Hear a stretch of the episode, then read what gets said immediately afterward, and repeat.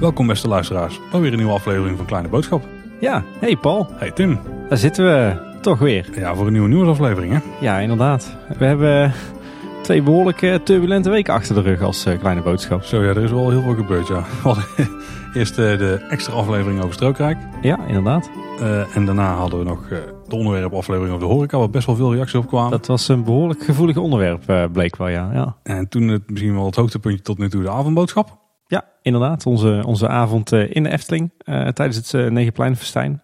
Wat we ondertussen ook nog hebben opgenomen is een aflevering met reacties, een bonusaflevering. Hè, die komende week ook online komt. Ja, inderdaad. Dus, dus deze week weer twee keer kleine boodschappen. Ja, precies. Het is, het is wat dat betreft veel raak de afgelopen tijd, ja. Ja, maar dit is voorlopig wel de laatste aflevering. Maar jij uh, moet het zeggen, op, kort na opname op te horen bent. Live op te horen ben, ja, inderdaad. Ja. Een soort van live, ja. Ja, inderdaad. Net zoals uh, dit voorjaar uh, gaan we weer een beetje de vakantieperiode in. Ik, uh, ik ga eerst een, ben eerst een paar weken weg. Daarna ga, ondertussen ga jij nog een keertje weg, Paul. Dus we moeten weer een beetje improviseren de komende weken. Nou, we hebben weer dus wel materiaal vooraf opgenomen. Dus er liggen afleveringen klaar. Ja. We, we, willen wel nieuws brengen dit keer tussendoor. Om te voorkomen dat we weer een aflevering van twee uur hebben. Ja, ja jij hebt een stand ingezocht voor mij hè? Ik heb een stand ingezocht. Voor, ja, ja, de, de oplettende luisteraar zal al lang door hebben wie het is. gaan we dat nu al... Nee, die houden we even uh, geheim. We moeten nog even een momentje prikken. Dus mocht het nou helemaal fout gaan, moet er een alternatief komen. Maar volgens mij gaat er moet komen. Ja, maar voordat we dan gaan beginnen met het nieuws van deze week. Avondboodschap was wel heel tof hè? Ik, ik heb, vond het een bijzondere avond, ja. Ik heb er echt van genoten. Ja. ja, sowieso dus heel tof dat er heel veel mensen zijn komen opdraven. Volgens mij ook echt mensen elkaar goed leren kennen daar. Ja, dat was wel een leuk bijeffect. Hè? Dat, dat er echt wel mensen die, die elkaar alleen maar kenden van Twitter of, of überhaupt niet, dat die elkaar tijdens de avond wat beter hebben leren kennen. Ja, ja ik denk dat er mensen waren die elkaars namen alleen maar hadden gehoord tijdens een uitzending. Ja, inderdaad. die een een voorgelezen reactie of zo hadden en op basis daarvan met elkaar in de praat zijn geraakt. En we hebben aan het eind dus nog met een klein groepje zo het park ingegaan. Ja, onder, onder aanvoering van Pieter, die, ja. die ons met z'n allen richting Vogelrok trok. Ja, was heel tof. En dan, uh, ja, dan zie je dat iedereen makkelijk met elkaar kan kletsen. Ja, gedeeld interesse. Gaan ja, precies. Als, als je zo gek bent om naar deze podcast te luisteren, dan, uh, ja, dan kun je ook wel met andere luisteraars kletsen. Precies. Maar het was wel een van de gehoopte bijeffecten. Ja, voorvallen. ja, inderdaad. Wel, wel denk ik een paar, paar leerpuntjes voor onszelf. De, het was natuurlijk nu tijdens de zomerperiode. En je ziet toch dat er heel veel mensen teleurgesteld waren dat ze er uh, niet bij waren. Ja. Dus misschien dat we een eventuele tweede editie van Avondboodschap ja, misschien toch buiten de vakantieperiode moeten, moeten doen. Ja, wat ik zelf ook merkte is dat uh, er was best een flinke groep. En daardoor was het eigenlijk voor niet iedereen, nou voor bijna niemand zelfs mogelijk om een beetje mee te krijgen wat er nu gebeurde met de opname zelf. Ja, ja dat was eigenlijk ook mijn tweede punt. De, volgende keer dat we het zo doen, dan is het misschien handig als we op de een of andere manier iets van versterking uh, verzorgen. Ja, ik zat, ik zat achteraf nog te denken, misschien moet het dan wel want iemand vroeg het als uh, volgens mij als soort grap van is er een livestream? Maar zou ook best wel een oplossing zijn. Ja, daar heb je gelijk in. Dat ja. iedereen zijn eigen oortje in kan stoppen en het nog steeds vanaf een afstandje kan volgen.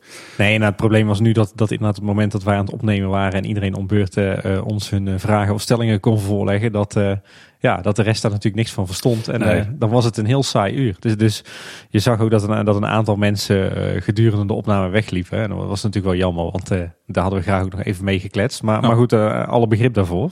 Dus dat was voor ons weer een leerpuntje. Ja, inderdaad. Dus uh, nou, volgende keer uh, kunnen we het mooi bijgeschaafd nog een keer doen hopelijk. Maar desalniettemin een hele memorabele avond. Dus uh, Nou, heel tof. leuk. Dus iedereen die erbij was hartstikke bedankt. En iedereen die er graag bij had willen zijn, ook heel tof. En iedereen die heeft geluisterd, nou ook bedankt voor het luisteren. Ja, precies. En waar, waar ga jij eigenlijk naartoe, Paul? Over een tijdje. Ik zit in Portugal een weekje. Kijk. En ik ga daar helemaal, nou heel weinig teampark gerelateerd doen. Er zijn wel een paar waterparken in de buurt waar wij zaten volgens mij. Maar Portugal is niet echt groot qua, uh, qua pretparkland. Nee, nee, nee, heel klein zelfs. Dit wordt echt een ontspannen vakantie. Oké, okay, ja. De vorige vakantie was iets meer inspannend. Ja, ja precies. Wel mee, ja. Toen uh, hadden we bedacht dat we, volgens mij hebben toen van de, weet ik dagen zaten, 20 of zo. Hebben we iets van uh, drie avonden een boek gelezen. de rest was het vooral plannen, wat gaan we doen. En, uh, dat, dat, zijn wel de beste vakanties meestal. Ja, ja, ik heb er ook weinig problemen mee, maar nu hadden we behoefte aan iets anders. Ja. En uh, jij gaat volgens mij weer naar jouw geliefde Scandinavië, toch? Ja, precies. Ik, volgens mij wordt dit de tiende keer dat wij naar Scandinavië gaan. Maar nu, nu voor, het eerst, voor het eerst naar Finland. Dat was het laatste lijstje van laatste land van groot Scandinavië wat nog op ons lijstje stond. Van groot Scandinavië? Ja, ja, je hebt een klein en groot Scandinavië. Oh, vertel, vertel Tim. Ja, klein Scandinavië is, uh, ja, het ligt eraan hoe je het bekijkt. Uh, Noorwegen, Zweden en Denemarken. Of Noorwegen, Zweden, Finland. Wat? En je hebt ook nog een groot Scandinavië. Dan heb je Noorwegen, Zweden, Finland, Denemarken en IJsland.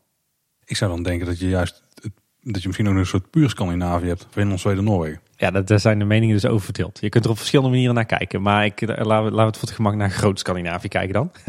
dus eh, nee, we gaan naar Finland een, eh, een weekje of twee. Maar IJsland al geweest? Ja. Oh, vet. Ja, dat was onze huwelijksreis. Dat is echt eh, Oeh. aanrader. Ja, heel vet. Zo. Ja.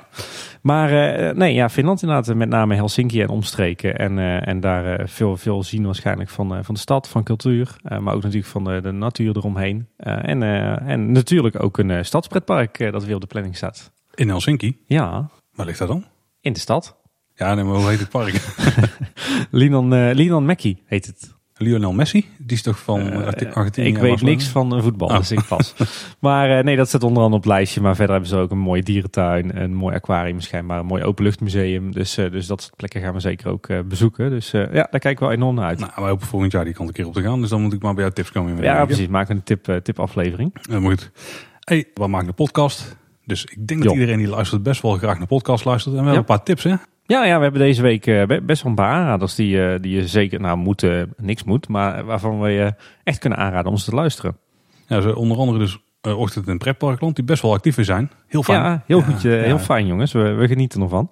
Seizoen 8, aflevering 18 eh, was dus een aflevering samen met Danny, met Eftelflex. Die is hier wel vaker langsgekomen. Ja. En die ging over eh, ja, eigenlijk het uitreiken wat het toch wel een soort van in de Efteling is. Was best wel een interessante manier om naar te kijken, vond ik. Ja, ja ze, ze bekeken eigenlijk de verblijfsaccommodaties. Hè? Dus het, eh, het Loonse Land, Bosrijk en het Efteling Hotel. Maar ook het Golfpark en ook een beetje het Dwarrelplein. En, en dat vatten zij op als een beetje het, eh, het huidige uitrijk. Dus Ja, een eigenlijk Hidden is Ja, eigenlijk. ja. Hele interessante aflevering. Vooral ook als je, als je even, ja, zeg maar even nog niet zo'n goed beeld hebt van, van wat die wereld van de Efteling nou voorstelt. En wat je er eh, zo al ook kunt doen. Zeker als, eh, ook als daggast of als liefhebber. Eh, want wij hebben natuurlijk heel vaak in onze podcast over de wereld van de Efteling. En over, de- over het Loonse Land en over Bosrijk. Maar we vergeten iedere keer weer om uit te leggen wat het is. Eh, dus, dus heb je daar nou nog geen goed beeld van, dan moet je zeker eens even eh, ja, aflevering 18 van uh, Ochtend in Pretparkland luisteren. En de heren van Team Talk die hadden in de laatste aflevering ook flink veel over de Efteling te melden. Ja, die was, ging bijna alleen over, over de Efteling, hè? Nou, het ging vooral over de drukte in de Efteling. Vond ik wel een heel interessant stuk. Ja. Ja, jij, noemde, jij vond hem lekker zuur volgens mij. Zoals, Ja, zoals we echt kunnen daar. Ik vond het inderdaad eh, lichtelijk zuur, maar eh, da- dat is denk ik ook de kracht van die podcast. En daar verschillen wij natuurlijk wel in ten opzichte van die, die gasten. En, maar ik kan er altijd smakelijk om lachen en goed naar luisteren. En, en ze hadden op heel veel punten ook wel een punt hoor. Nou, ik, dus, we waren ook, een beetje naar oplossingen aan het zoeken voor het probleem van de drukte. En daar gaan we daar zelf ook nog een beetje over hebben. En eh, er zaten echt wel goede dingen tussen. Dus eh, als je daar een introductie van wil horen, zeker, ga zeker even luisteren. Ja, en, en ze hadden nog een leuke scoop over eh, de, de verbouwing van de oude Tuffers hè, in 2019. Ja, het was een, een tip van een luisteraar. Dus de vraag is altijd een beetje hoe serieus Ja, je die nemen. Maar dat ze interactie inderdaad wilden Ja. toevoegen aan de oude tuffers. Maar ja, ja, inderdaad. Aflevering 31 van Team Talk is zeker een aanrader. En eigenlijk het enige item wat niet over de Efteling ging. de opening van de dive coaster Valkyria in, in Ja, Lichtenberg. een discussie, hè, hoe je het uitspreekt. Valkyria, Valkyria. Eh, ja, dat is natuurlijk ook, eh, de, de, de- dat was natuurlijk ook hartstikke leuk om te horen. Maar dat komt meer omdat eh, ik een zwak heb voor dat parkje. Waar ik dus ook hoop volgend jaar langs te gaan. Ja, ik, hoop dat ik je genoeg heb aangemoedigd, Paul. Ja, jij bent een- helemaal de reden dat we daar van plan zijn. Dus dat komt ook goed. En we hebben in de vorige aflevering een paar zaken aangehaald. Daar hebben we een paar opvolgberichtjes over. Zo hadden we in aflevering 39 over de fietsnelweg, de verlegde Horst en eigenlijk ook de Strookrijk. Eh, er kwamen redelijk wat reacties op. Ja, dat was eigenlijk onze, zo'n beetje onze eerste scoop, denk ik. Hè? Ja, we waren de eerste die ermee kwamen inderdaad. Ja. De vraag is inderdaad hoeveel was het waard? Of is het waard? Maar het was eh, genoeg eh voer voor discussie. En Ja. uiteindelijk kwamen er wel een paar nieuwe feitjes naar boven. Maar eh, er waren ook een paar mensen die waren iets oplettender dan wij. ja, vooral Sven, Sven Nibbeling. Ja, die meldde via Twitter namelijk dat het WGB, wat ik op de kaart had gespot, dat daar wel eens gewoon VVGB zou kunnen staan. Ja, Eh, en VVGB zou natuurlijk gewoon kunnen staan voor verklaring van geen bedenkingen. ja inderdaad. Dat is en, ook echt en, het enige wat ik ervan kan maken, dat het dat zou kunnen zijn. Dus. En, en, en dat, dat eh, ik wou zeggen, dat makes sense, om het maar in goed Nederlands eh, uit te drukken. Want er is inderdaad op die tekening, die jullie nog kunnen terugvinden bij aflevering 39 in de show notes. daar is een, een gebied aangegeven met een, een stippellijn, zeg maar.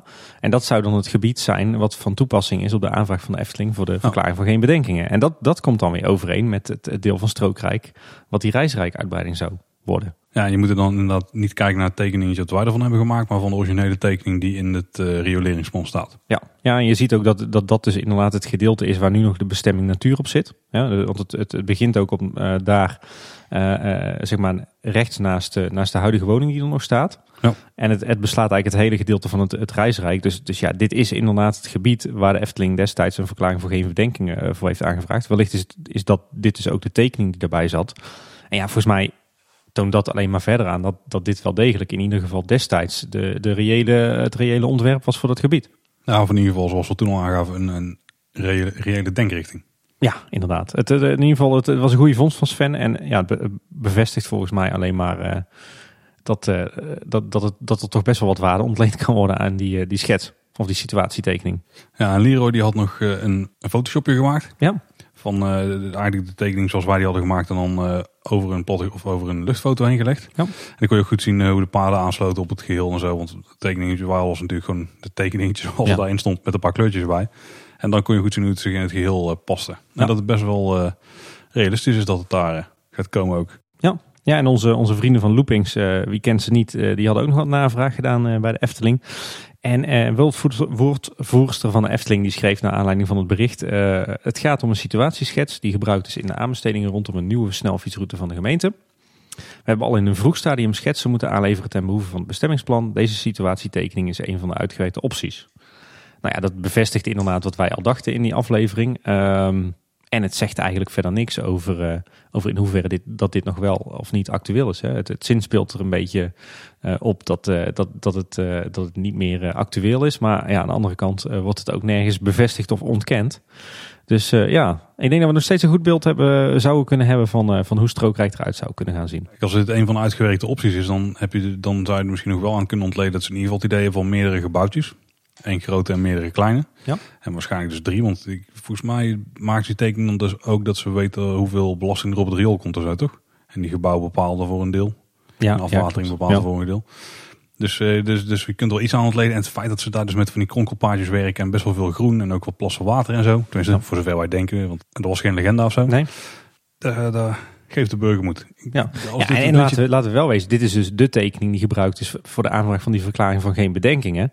En, en dat is niet niks. Hè. Ik bedoel, dat heeft wel degelijk eh, eh, waarde. Want eh, je, vraagt dan in feite hè, vraag je toestemming aan de gemeente om vooruitlopend op dat bestemmingsplan, wat nog een keer gewijzigd moet worden, om toch alvast wat te mogen gaan bouwen. Ja, die tekening die moet wel degelijk over, overeenkomen met wat je daarna daadwerkelijk gaat bouwen. Dus, dus tuurlijk kan er sindsdien, hè, nadat die verklaring van geen bedenkingen is geweigerd, kunnen die plannen nog zijn aangepast.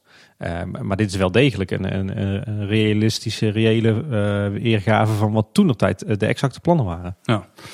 Ik heb een beetje in de gaten te houden wat er op de fora allemaal werd verteld. Ehm daar kwam onder andere voorbij dat dit het niet zou kunnen zijn. Want er worden op dit moment aanpassingen gedaan aan het Efteling Hotel en aan de parkeerplaats daar. Ja. En dan matcht je niet met wat op de tekening te zien is. Nou, daar klopt het op zekere hoogte. Er is inderdaad een deel daarvan is wel dus te zien. Want er moet aan de, eh, west, aan de oostzijde van het Efteling Hotel moet gewoon een strook weg. Want er, Ja. komt, weg, er komt een nieuwe weg te liggen Ja. en er komt een fietsnauweg te liggen. Ja. En daar zijn ze nu de werkzaamheden voor aan het doen. Dat betekent ook dat de parkeercapaciteit van het parkeerterrein iets omlaag gaat. Ja. Dus ze zijn met een paar noodgrepen door wat eh, groen weg te halen, zijn ze daar een paar extra plaatsen aan het creëren. Ja. Volgens mij niet genoeg om alles. Nee, dit zijn echt noodgrepen. Dat zie je ook noodgrepen. Ehm, maar dat betekent niet dat op het moment dat dadelijk, dus de- dan hebben we het over eh, augustus 2019, dat als ze echt gaan starten, dat ze dan niet op een serieuzere manier de parkeerplaats gaan verleggen. Want het is natuurlijk zo, als de nieuwe parkeerplaats zou komen op de plek van de Horst, dan is het natuurlijk niet handig om daar al aan te beginnen als de Horst nog gewoon gebruikt wordt. Dan kun je Nee, geen, parkeerplaats, geen parkeerplaats maken. Nee, en, en bovendien er werd gerefereerd aan, aan de tekening hè, van, van de, de snelfietsroute. Eh, kijk, inderdaad, die, die tekening van die invulling van strookrijk, daar kan je van, eh, van vinden van je, wat je wilt. Hè. Natuurlijk is dat nog geen vaststaand feit. Maar goed, die tekeningen van de fietssnelweg en, en de verlegde horst zelf, die zijn natuurlijk wel gewoon vaststaand. Want dat werk wordt momenteel aanbesteed. Dus daar valt weinig aan te tornen. Dat, dat wordt daadwerkelijk hoe dat dadelijk de, de fietssnelweg, het, eh, het, het extra nieuwe fietspad, de, eh, de fietstunnel en de, de horst gaan lopen. Ja, sterker nog, daar gaan ze over twee maanden aan beginnen. Ja, inderdaad. Eh, Wat mij overigens wel, wel verbaasde, want ik heb ook eh, de, de sites en de sociale media en de fora in de gaten gehouden. Hè. De, het verhaal van het strookrijk, daar werd nogal opgepikt. Ehm, maar waar eigenlijk niemand, eh, wat niemand gehoord leek te hebben, is, is toch wel denk ik een belangrijke ontwikkeling. Namelijk dat wij uit de stukken haalden dat er ook een fase 3 van strookrijk is. En die bestaat uit de bouw van een, een hotel ten zuiden van strookrijk. Hè. Wij denken wellicht op de, de plek van de voormalige directiewoning. Eh, En, en dat er verder ook geen, eh, geen, geen follow-up was op het, het feit dat er wellicht in, eh, in Bosrijk nog uitgebreid ging worden. Ja, maar dat was meer op basis van de piketpaaltjes die waren gespot, ja, toch? ja, klopt. Ja, dat laatste wel, ja. want we kregen ook nog foto's van eh kaaibanden die daar lagen. eh, waarvan wij denken... dat-. Kaaibanden. Oké. Noem jij die? Stoep... eh, Betonbanden. Nee, kaaibanden zijn. Eh, Als die- jij daar wil. In de volksmond. Eh, die, die zouden dan dienen voor de verharding die ze gaan doen eigenlijk eh, ja, langs, hoe heet het campingje daar Tim? Ja, Ja, de camping. Bergense Hoef. Ja, eh, langs de ja. camping de Bergense Hoef. Ja. Om daar een verharde aansluiting te maken tussen eh, eigenlijk dat de Eftelingse straat doorloopt. Hè? Daar komt beetje op neer. ja, ja, alleen dat, dat, dat, dat is een eerste aanname. Ik heb er nog, nog niks gezien op de plekken Nee. wat dat bevestigt. Dus dat is nog even, even gissen. Maar er waren, er waren dus wel eh, betonbanden. Maar Ja? die zijn niet altijd van beton, toch? Wel als het betonbanden zijn. Ja, dat- oké. ja. Anders zijn natuursteenbanden. Of kaaibanden. Dat is Ja, altijd, dat is altijd Eh, maar dat ze die banden dus, eh ja, er zonder piketpaaltjes. Ik denk niet dat ze daar paden gaan aanleggen. Maar misschien hebben ze wel nieuwe parkeerplaatsjes nodig. Zou Bosrijk. Ja, Nou, weet niet. Nou, misschien moeten we eens een keer eh, een wandelingetje doen door Bosrijk. Dan kunnen we het zelf met eigen ogen gaan zien. ja, wat, wat wel duidelijk was, is dat ze nieuwe wegwijzers hebben geplaatst voor de fietsnelweg. Ja, en, en behoorlijk wat ook. Ik zag toevallig de mannen van Heijmans van de week ook nog bezig. Want volgens mij hebben ze zo'n beetje de hele huidige snelfietsroute, wat nog geen snelfietsroute is, maar eigenlijk het hele fietspad tussen Tilburg en, eh, en Waalwijk hebben ze al voorzien van, eh, van nou, een berg wegwijzers waar je bang van wordt. Het is eigenlijk vooral langs de Efteling hè, waar ze het nog goed moeten aanpakken. Nou, ik, ik heb ze hier, eh, hier eigenlijk heb ik ze al gespot zeg maar, vanaf de afrit Loon op Zand van de N261. Eh, dus zeg maar ter hoogte van het, eh, nou nog voor het Blauwe Meer zelfs, zeg maar ter hoogte van de vloeivelden. En nee, ze, ze, ze lopen ook door in, in de kern van Kaatsheuvel. Dus eigenlijk de hele route is al uitgewegwijzeld, wat best wel apart is, want eh, de snelfietsroute zelf ligt er nog niet. Volgens mij is het een stukje wat bij de Efteling gelegd moet worden. Dat is echt het nieuwe stuk, zeg maar. Ja. Daar wordt niet over een bestaand pad heen gelegd. Nee, klopt. De rest van het tracé is inderdaad, wordt inderdaad gebruik gemaakt van bestaande voorzieningen die dan wel nog worden opgepimpt. Dat klopt. Maar er, eh, er zijn ineens heel veel eh, bordjes verschenen. Zelfs overigens ook bij de, de uitgang van de fietsstalling van de Efteling. Daar wordt ook al eh, verwezen naar die snelfietsroute. En er is nog een ander bordje verschenen. Klein detail. Ja, inderdaad. Op de, de Braakakker, het, het klinkerweggetje wat eigenlijk leidt naar de, de Kinkerpolder. Daar staat nu een bordje wat, eh, wat eh, de, de weggebruiker erop wijst dat het een, een doodlopende weg is beide kanten op. En dat, eh, dat eh, busjes voor de taxiparkeerplaats, eh, dat die via de Europalaan, de Horst en de Eftelingse straat moeten gaan rijden. En, en dat bord is er natuurlijk gekomen omdat er stiekem best wel veel mensen waren die op de een of andere manier eh, naar de Efteling reden op, op de TomTom of een andere route, routewegwijzer. En die zichzelf dan, eh, dan klemreden op de verkeersregelaars die daar geregeld staan als, het, eh, als we naar elkaar gaan. Om het maar even met in jargon uit te drukken. Ja, Omdat niet ja, mensen niet in de gaten hebben dat ze dus niet verder kunnen daar. Ja, er staan ook gewoon blokken op de weg en eh, grote bouwweg of eh, grote dranghekken. en. Ja, precies. Dus, Dus, eh, maar eh, het kwam toch geregeld voordat dat, dat daar taxibusjes inderdaad verkeerd reden. Hè? Die willen dan naar de, naar de uitgang van de fietsstalling waar, eh, waar ook een soort kiss-en-ride-strook is. Eh, en, en verrassend vaak eh, Belgische mensen. Eh, dus op de een of andere manier is er een Belgische routebeschrijving eh, of, of hoe heet zoiets? Allee, TomTom. Ja, Ja, goed. flauw, daar, ja. doe ik, dat is, die is heel flauw. Dus op de een of andere, er zal op de een of andere manier toch een, eh, een Belgische route eh, eh, vormbeschrijving zijn. Die, die op de een of andere manier mensen die, die Efteling ingeven als bestemming, eh, die ze richting de fietsenstalling stuurt. En die, die, ja, die rijden zichzelf dan vast. Nou, Ja. dat eh, wordt nu wellicht voorkomen door dat nieuwe bordje. We hadden in een vorige aflevering ook aangehaald dat de wachttijden bij Symbolica toch wel enigszins eh, vreemd waren. En Ja. eh, toen hadden we gevraagd aan de luisteraars van kunnen jullie daar eens op letten? Van wat zijn jullie ervaringen? En eh, Laura Malder, die dacht ik zal het dus gewoon even vragen. Eigenlijk wel heel snugger. Ja, die heeft ons gemaild. Dag heren, naar aanleiding van jullie en mijn verwarring rondom de wachttijden van Symbolica heb ik besloten om eens op onderzoek uit te gaan. Volgens het personeel was het inderdaad zo dat meteen na de opening van de attractie de aangegeven wachttijd een indicatie gaf tot aan de voorshow, omdat daar de beleving eigenlijk begint. Maar vooral op drukkere dagen kan je wat op 20 minuten op de trap in het kasteel staan te wachten. En veel bezoekers vonden dit toch niet echt een beleving en daarom is nu de wachttijd een indicatie tot aan het instappen. Eh, Daarnaast is mij verteld dat de wachttijd soms lastig in te schatten is. Onder andere door de variabele doorlooptijd van de voorshow. Als je aankomt als de deuren net dicht gaan, sta je zo'n vijf minuten te wachten op de volgende show. En de verschillen in groepssamenstellingen die in de karretjes geplaatst kunnen worden. Daardoor valt de wachttijd op het bord soms wat hoger uit dan het eigenlijk is. Eh, maar, maar onze ervaring was dat het eigenlijk andersom was. Fantastische podcast, heren. Ga ze door. En speciaal dankjewel aan een vriendelijke jonge dame bij Symbolica die de tijd heeft genomen om mij dit allemaal uit te leggen. Nou, tof. Dankjewel Laura dat je dit eh, zo eh, hebt uitgezocht. En ja, volgens mij een heel sluitend verhaal. Want ik kan me best voorstellen dat, dat als je kijkt eh, naar het moment waarop je echt in je fantasievader stapt. Ja, dan, dan tel er inderdaad maar eens gerust nog eens een kwartier bovenop de, de reguliere wachttijd. Zoals wij die zelf zouden meten. Ja, ik- dat is niet mijn ervaring, maar het ligt misschien ook een beetje aan waar je in de wachtreis of in de voorshow staat. Als je voor Ja. in de voorshow staat, dan ben je natuurlijk al weer gauw een minuut of vijf tot tien eerder of zo. Ja. ja, het is natuurlijk de duur van de voorshow die meetelt. De tijd dat je in het trappenhuis staat te wachten. De tijd dat je beneden bij de... Hè, dat je opgesplitst wordt over de drie tours. En dan weer staat te wachten tot je toegang krijgt tot je fantasievader. Daar kan best wel wat tijd overheen gaan. Het is jammer dat wij hier zo'n touringplans hebben, die dan eh allemaal gaan zitten timen precies hoe lang eh, iedere cyclus duurt en hoeveel mensen nou ja, zegt, dat, ik heb toevallig een vriend die daar heel vrolijk van wordt. Dus die kan ik wel eens inschakelen. Doe dat maar eens, doe Ja. maar eens. Ik ben wel benieuwd. En eh, we hebben eigenlijk onze factchecker van de show, Ramon. Ja, precies. Die had weer een aantal correcties. Ja, die beticht ons iedere keer toch weer van fake nieuws. Ja, niet alleen correcties, maar ook een aantal eh, toevoegingen. Ja. Eh, een van die dingen is dat van de 17 oude tuffers die origineel op de baan staan, dat er nog maar 10 over zijn. Ja, Dat is echt wel flink. Ja, ik weet niet of de capaciteit afname is, want er staan nog steeds een file. Ook met die 10 eh, in het laatste, eh, laatste grote cirkel, zeg maar. ja.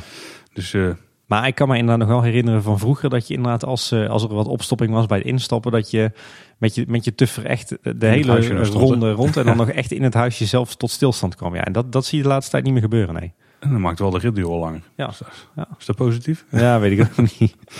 Eh, Maar het is in ieder geval nogal een kaalslag qua oude tuffers, ja. ja. En aflevering 37, dat was de tips met eh, warm weer. Ja. Daar hadden wij het over de bak met springend water op de Pardoespromenade. Eh op bouw, daar wisten wij de naam niet van namelijk. Nee. En op bouwtekening wordt die blijkbaar aangegeven als de watertafel. En eh, de Efteling Webcare heeft die naam ook wel eens gebruikt, zei hij. Ja, ja een begrijpelijke naam. Niet heel erg sexy, maar de watertafel. Nee, dat is ook niet echt een van de ambities van de Efteling. Nee, ja. sexy naam aan te geven. En in aflevering 38 dan maakten we een referentie naar het Carousel Festival. Eh, en die was in 2000 en niet in 95, zoals het wij daar waarschijnlijk uit ons hoofd opperden. Ja, precies. Wij doen dat vaak eh, met gebruik van ons eigen geheugen. En aflevering 40 over eh, de horeca. Eh milkshakes zijn nog te krijgen bij het melkhuisje. Favoriet puntje van mij, prima shakes en lekkere kleine pizza's. Overigens, ik geloof dat de herinneringen van de kleine Tim aan de 50 thema's niet helemaal helder meer zijn. Eh, dat was namelijk een, er werd gerefereerd aan een paal van 10 meter. Ja, ik dacht inderdaad dat er een roze Cadillac op een paal van 10 meter hoog stond. Maar dat, Ramon stuurde een foto naar ons via Twitter. En daar was toch echt te zien dat die Cadillac op het... ja, eigenlijk het, een, een, een uitgiftehuisje eh, op, op het terras van... eh, toen nog de chameleon stond. Eh, dus zo uit drie meter hoog. Dus mijn herinneringen lieten mij daar in de steek. Of maakten het in ieder geval spectaculairder dan wat het werkelijk was. Toen was je nog een klein timmetje in verhouding, klopt die 10 meter redelijk misschien. Ja, ja 1991 schrijft hij inderdaad dat dat het jaar was van het 50s thema. En ik, had het, ik refereerde toen ook nog aan Upward People als show. Eh, maar Ramon schrijft dat was iets heel anders. Want in 1991 stond er een show die niets met dat thema van doen had. Namelijk het Groot Efteling Zomercircus. En eh, de show waar ik aan refereerde was, eh, heette eigenlijk Time for the Music. En kwam uit 1989. Daar maar goed. binnenkort meer. Daar gaan we het binnenkort eens over hebben. En nou ja, in die periode was ik een jaar of drie, vier, vijf jaar oud. Dus ik hoop dat jullie mij vergeven, luisteraars, dat mijn herinnering niet meer zo scherp was.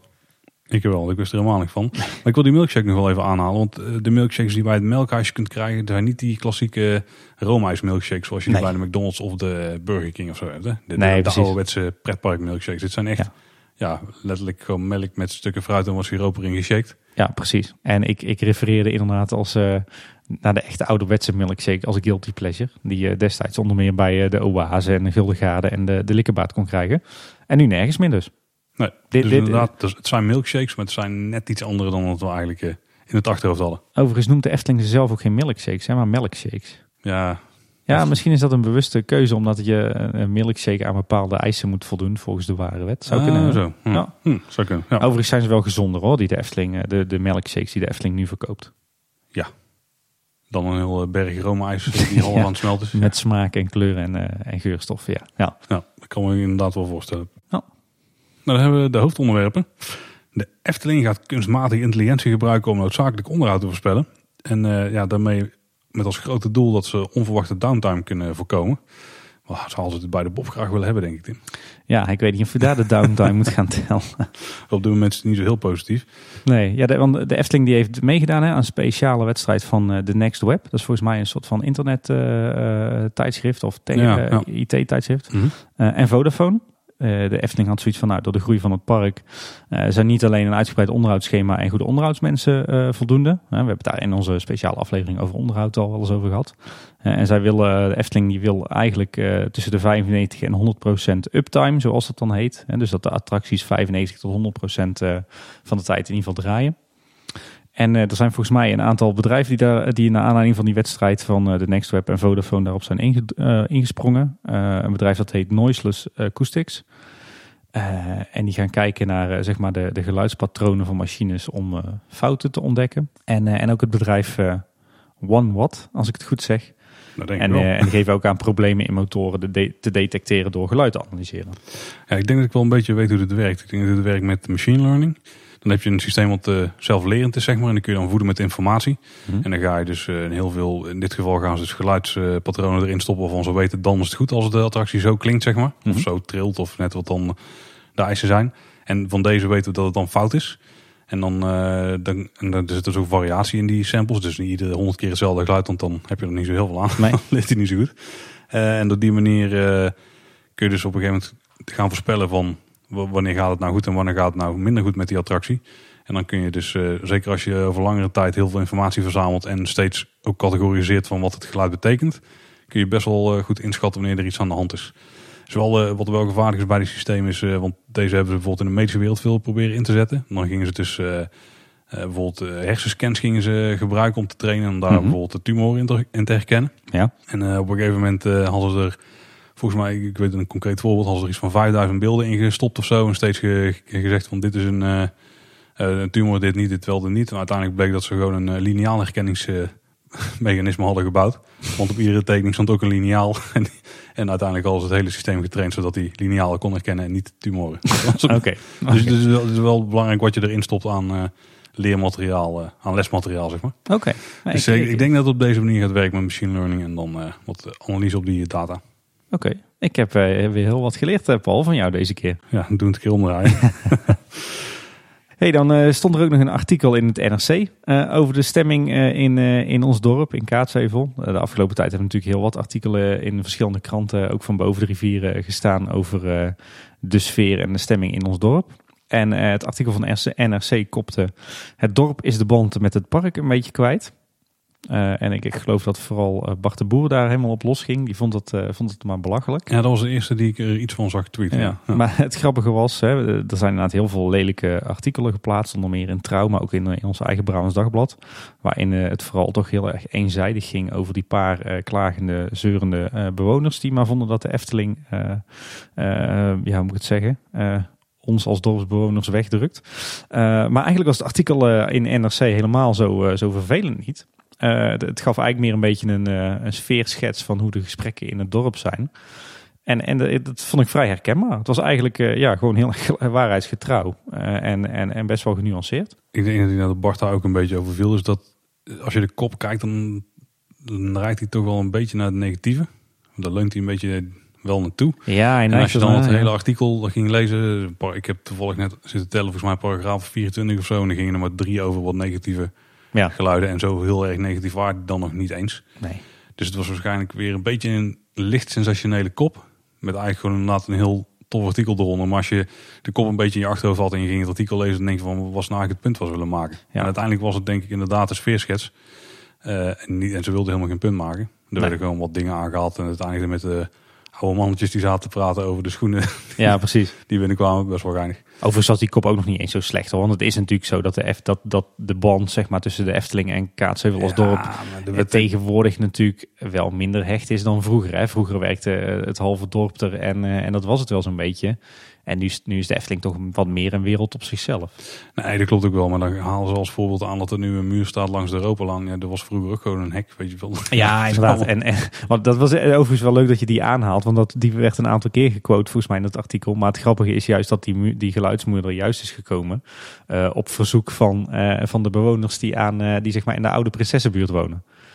En, en, vervolgens werd daar ook nog eens de laafmuur bij op de foto gezet. Terwijl het natuurlijk, terwijl het natuurlijk ging om de, de geluidsmuur. aan de andere kant. Precies, dus dat was wel een, uh, ja, een slordigheidje. Nee, precies. Zo'n kleinigheidje zat dan links en rechts in. Nou, maar ik vond het inderdaad wel een tof artikel. Ja. ja. Zeker niet zo negatief als de rest die we dan nee, nee, nee, Wat, wat de laatste in het Dagblad stond, dat was toch wel het, uh, het toppunt. Laatst? Nou ja, dat is ook wel er eh. Ja, precies, ja. Gelukkig, ik denk, heb ik nou iets gemist. Nee. En de, de, de Efteling gaat weer met zijn tijd mee. Ja, We- Weer een reden minder om eh, muntgeld mee te nemen. nou de- deed ik dat toch eigenlijk al nooit. Ja, maar wil je niet van een ezeltje strekje een muntje? Want dan moet je nog steeds wel muntgeld hebben. Het is, ik moet toegeven dat het lang geleden is dat ik een, eh, een munt uit ezeltje strekje heb gehaald. Ja. Je kan dan de kleine klaroen gaan en dan daar gewoon even Ja, pinnen wat munten uit de Ja. kassa trekken. Ehm, maar je kunt binnenkort contactloos gewoon snacks halen bij de Steenbok uit, het, eh, uit de snackmuur. ja. Nou, niet alleen binnenkort. Inmiddels is die, eh, is die Maar gereed. ja, is al gereed. Ja. Ja. Efteling zegt ook dat het om een test gaat. Ik denk vooral dat het om gewoon, eh, dat is het systeem nu gewoon maar de Steenbok doen en even kijken hoe het gaat. Want het feit dat dit gaat werken, dat staat volgens mij als een paal boven water. Ja, volgens mij zijn er hele volkstammen, ja, er zijn hele volkstammen die contactloos betalen en die echt geen muntgeld meer op zak hebben. Nee, ik heb eigenlijk niet gecheckt. Kun je nog steeds wel muntgeld erin stoppen? Weet ik niet. Ik heb het ook nog niet gezien. Heb geen detail- detailfoto's gezien.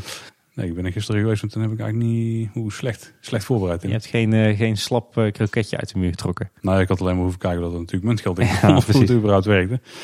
Maar dit gaat natuurlijk gewoon een groot succes worden. En het lijkt me zo sterk dat het heel lang gaat duren... voordat het bij de smulpaap en bij de hongerige machinist ook gebeurt. Lijkt mij ook stug, want dit is natuurlijk dit is een wereldvondst. Hè? Ik bedoel, Ja. eh, ik heb wel nooit meer klein geld bij. Ik denk dat het voor heel veel mensen geldt. En dit is natuurlijk een ideale oplossing.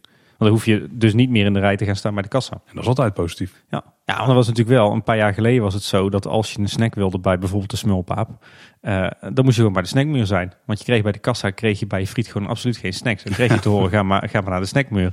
En als je dan wilde wisselen, dan moest je nog eens in de rij gaan staan om je, je briefgeld om te wisselen naar muntgeld. Ja, ze hebben nu wel van die wisselautomaten hangen. Dat is Ja, wel- ja, dat sowieso. En, en ze zijn ook tegenwoordig veel soepeler hoor. Je kan gewoon bij je, bij je bestellingen van friet kan je ook zoveel snacks eh bij bestellen als je zelf wilt. Dus dat is al wel een grote vooruitgang. Maar dit, dit is natuurlijk eh, helemaal ideaal. ja zeker. Ja. Want, want bij mij is het vaak inderdaad wel dat gedoe met muntgeld. Wat me ervan weerhoudt om even nog een uh, bami schijfje of een kroketje eh, naar binnen te laaien. Oh, niet jouw gezonde levensstijl. Ja, dat? ja nee, dat probleem heb ik ook een beetje. nee, maar gewoon eh, prima ontwikkeling. dit. topontwikkeling, Ja. ja. ja. Nou, en dan hebben we een enorme drukte in de Efteling. Wie raadt het? Of je, je raadt het niet. gebeurt nooit, hè? Nee, precies. Nou, het gebeurt natuurlijk een paar avonden per jaar. Of een paar dagen per jaar. Maar meestal is het op de dagen dat het, eh, het park al langer open is. Dat het enorm druk is.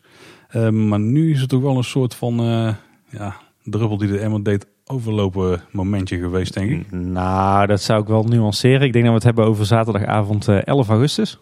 Bij het, het verschijnen van deze podcast, en niet afgelopen zaterdag, maar de zaterdag ervoor. Afgelopen zaterdag was het ook super druk, denk ik. Hopen we, denken we. Nee, eh, kijk, de, de Efteling kan natuurlijk heel druk zijn. En op, op de zaterdagavond kan de Efteling extreem druk zijn. Maar ik denk dat inderdaad 11 augustus een voorbeeld was van uitzonderlijke drukte. Ik geloof Ja. dat, dat Looping schreef dat er 39.000 bezoekers waren. Ja. Dat is natuurlijk een fors aantal, maar ik heb ook wel eens aantallen van 44 en 45.000 bezoekers eh, gehoord. Maar het, het was in ieder geval uitzonderlijk druk. Dat is een feit. Volgens mij was het wel de drukste dag van 2018. Nee, ik denk dat het grote punt nu was dat een ambulance gewoon eh, niet meer door de Europalaan kon. En daar lag iemand in. En die, eh, ja, die, die stond gewoon vast, want het verkeer ging niet aan de kant. Of het was, ik weet niet precies wat de situatie was. Ja, dat, dat weet ik wel. Kijk, Want ja, je, je haalt hem nu aan als, als, als en denk ik als enige punt of als, als in ieder geval het grootste pijnpunt. nou ik denk dat de reden is dat de politiek eh, zich er een beetje mee gaat Ja. bemoeien. Ja, nee, want het staat inderdaad even los van de drukte in de Efteling. Maar inderdaad, er was nogal een, eh, wat ophef omdat dus inderdaad die ambulance was komen te staan. Eh, nou zijn wij zelf 11 augustus ook naar de zomeravond geweest. En, en bij de, Wij, ook trouwens, ja. Ja, en, en bij de uitloop, zeg maar, de, de- na, na sluitingstijd zijn we te voet naar huis gegaan. En ja, wat je natuurlijk krijgt, ehm, eh, het hoofdparkeerterrein ontsluit natuurlijk via de Europalaan, via de, via de uitritten bij de slagbomen. En dan doet eh vak K of KLM, zoals het dan tegenwoordig heet, doet dat ook. En die worden ook via verkeersregelaars eh, over de, het hoofdparkeerterrein geleid. Maar vak O, het, het veld, zeg maar, ja, naast en achter de, de brandweerkazerne, dat, dat wordt ehm, een stukje over de Bernse Hoef, de doden nou weggestuurd en dan de Europalaan opgegooid. Maar dan krijg je eigenlijk een heel, heel groot knelpunt, want eh, bij de uitrit van het Efteling parkeerterrein krijg je een enorme stoet auto's eh, die richting N261 wil, die, die een groot deel van de tijd groen hebben. Maar op het moment dat je vak O gebruikt, krijg je ook nog eens een, een extra uh, aanvoer van auto's over de Europalaan. Uh, die stil komen te staan bij het stoplicht voor die uitrit van het hoofdparkeerterrein. Ja, het over de luisteraars die komen dan dus vanuit de richting Dongen. Ja. Uh, dus eigenlijk als je bij de als je van de N261 af komt en je rijdt naar de Efteling, als je dan door zou rijden en een keer gaat keren, vanuit die richting komen die, die auto's dan dus ook nog eens een keer. Ja, en, en dan creëer je natuurlijk een, een knelpunt zeg maar, bij, bij ongeveer ter hoogte van de plek waar zeg maar, de inrit is van het hoofdparkeerterrein van de Efteling. Dus dan staat de Europalaan ook vast. Uh, uh, want jij, je, hebt, je hebt daar gewoon twee conflicterende stromen. Hè? Je wil je hoofdparkeerterrein zo snel mogelijk leeg hebben. Maar ja, je wil ook niet dat die Europalaan vol komt te staan met, uh, met, met auto's vanaf dat, dat extra veld. Ja. En zeker niet als daar ook nog eens je, je pendelbussen in staan. Maar inderdaad, ja, in, in die drukte, in, in dat verkeersinfarct was dus een ambulance vast komen te zitten. Nou ja, dat is natuurlijk heel, heel kwalijk. Um, daar kreeg de Efteling een beetje voor op zijn donder vanuit de gemeentepolitiek. Maar ja. ik moet zeggen dat ik daar toch wel een beetje een raar gevoel bij heb. Want wie rijdt in vredesnaam op een drukke Efteling zomeravond als hij Kaatsheuvel uit wil over de Europalaan? Nou, dat punt opperde ik ook. Toen zei iemand van in sommige situaties moeten ambulances drempels uh, vermijden. Vanwege wat er in, binnen de ambulance gebeurt. Dat daar een reden zou kunnen zijn dat ze toch de Europalaan moesten pakken. Want ik doe het zelf absoluut niet. Nee, Als je daar naar huis gaat, Tim, rij ook niet over de Europalaan. Oh ja, oh ja. we, we nemen inderdaad bij hoge uitzondering op op een uh, vrijdagavond. En inderdaad, het is nu Negenpleinenfestijn terwijl we opnemen. Ja. ja. Goeie tip. Nee, maar ik denk dat iedereen, als je een beetje verstand hebt en je woont uh, hier in de regio, dan weet je dat je natuurlijk de, de Europalaan in zich heel moet vermijden. En dat je het dorp gewoon of via de noordkant uh, moet verlaten. Hè. Dan rij je richting uh, Bevrijdingsweg en ANH Hotel. Mm -hmm. uh, of via het buitengebied aan de zuidkant. Via de, zeg maar de, de gehuchten of de, de buurtschappen Bernshoef en Duikshoef. Um, en ja, dat moeten de calamiteitendiensten natuurlijk ook weten.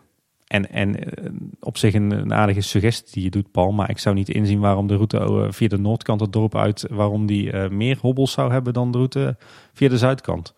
Nee, ik zat, ik zat wel dus te bedenken hoe, vanaf waar kun je kaatsheuvel uitrijden zonder dat je hobbels treft. En dat kan dus wel in een aantal gevallen. Ja. Als je echt in, in een uh, bent niet. Maar als je gewoon op de Gasthuisstraat of zo rijdt, dan kan dat prima. Ja. Maar dan moet je wel een stukje omrijden en de Europalaan pakken.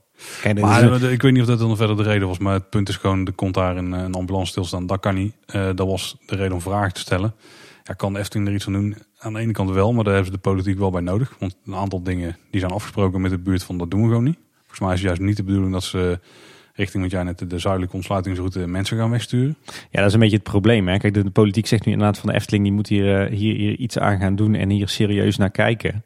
Maar ja, wat, wat moet je dan? Hè? Ik bedoel, uh, VK, die, die, moet al uit, uh, die, moet, die moet er ook al uit via het hoofdparkeerterrein. Nou ja, dan zit die, die, die ontsluiting via de Europalaan zit wel vol.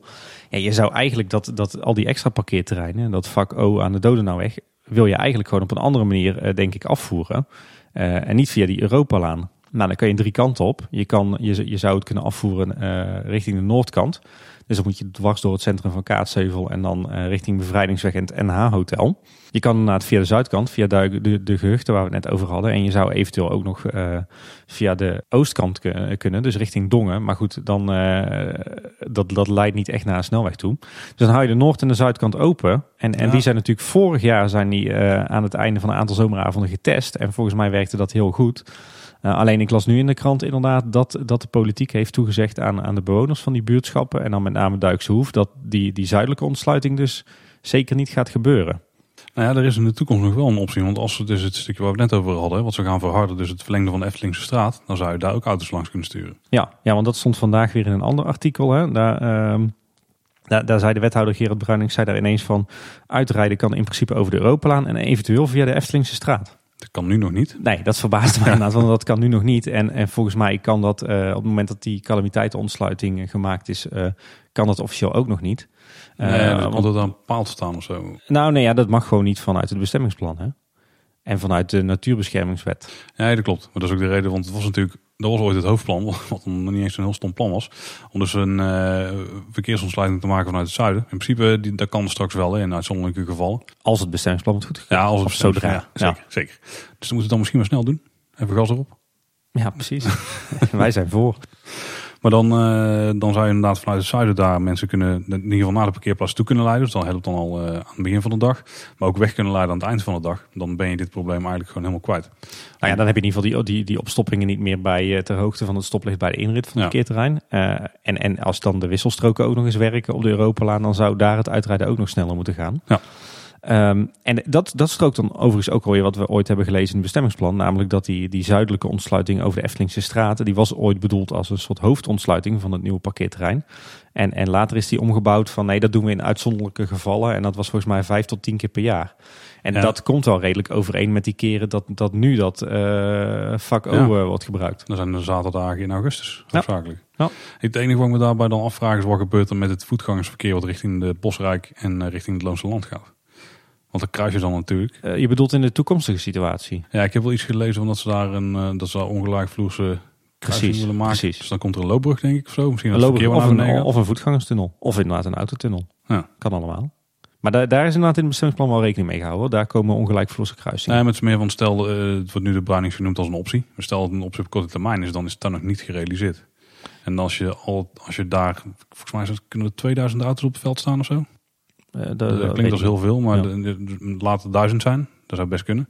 En die moeten allemaal via de zuidkant weg. En daar moeten ook al de voetgangers terug naar Bosrijk of naar het Loonse Land. Dat is nu nog geen succes in ieder geval. Als dat, een, Nou ja, valt wel mee. Hè? Je zet je gewoon verkeersregelaars in. Ja, dat gebeurt natuurlijk ook niet op de Kinkerpolder. ja, dat is wel een punt inderdaad. Nou, oké.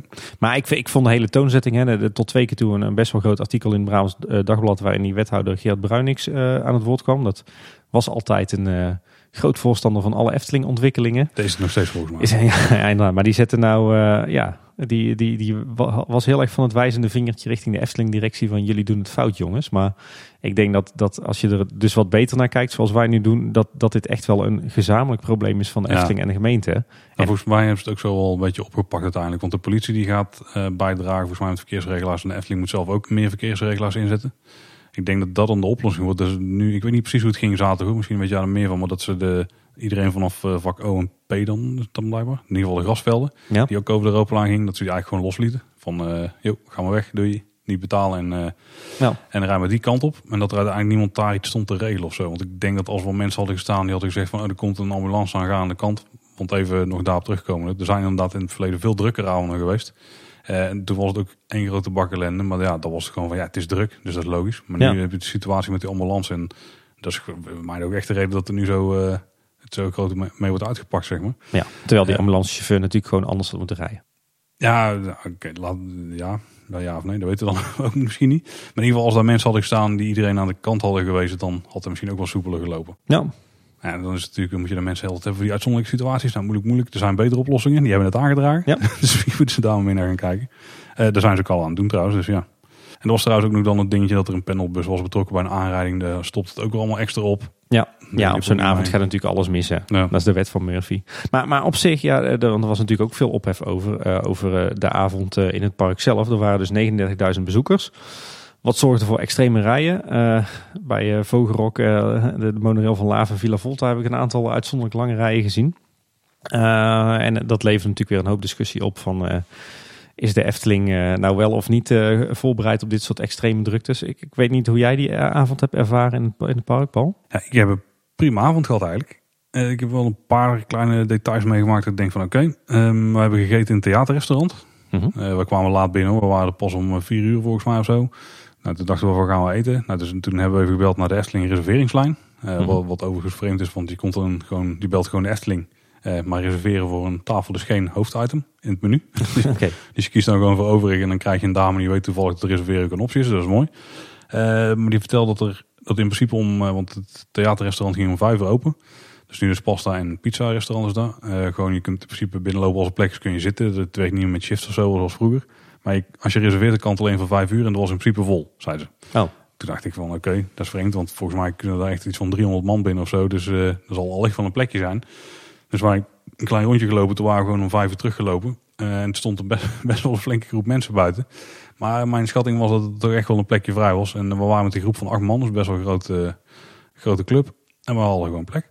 Nou, mooi. Dus het duurde wel even dat we bij de, nou weet het, bij de, bij de seater waren, zeg maar. Mhm. Eh, maar er was gewoon plek voor acht man. Eh, gewoon eh, ergens een bankje in de hoek met de stoelen eromheen. Dat was perfect. En ik keek een beetje om me heen en er waren gewoon tafels voor vier tot zes man vrij. Ja.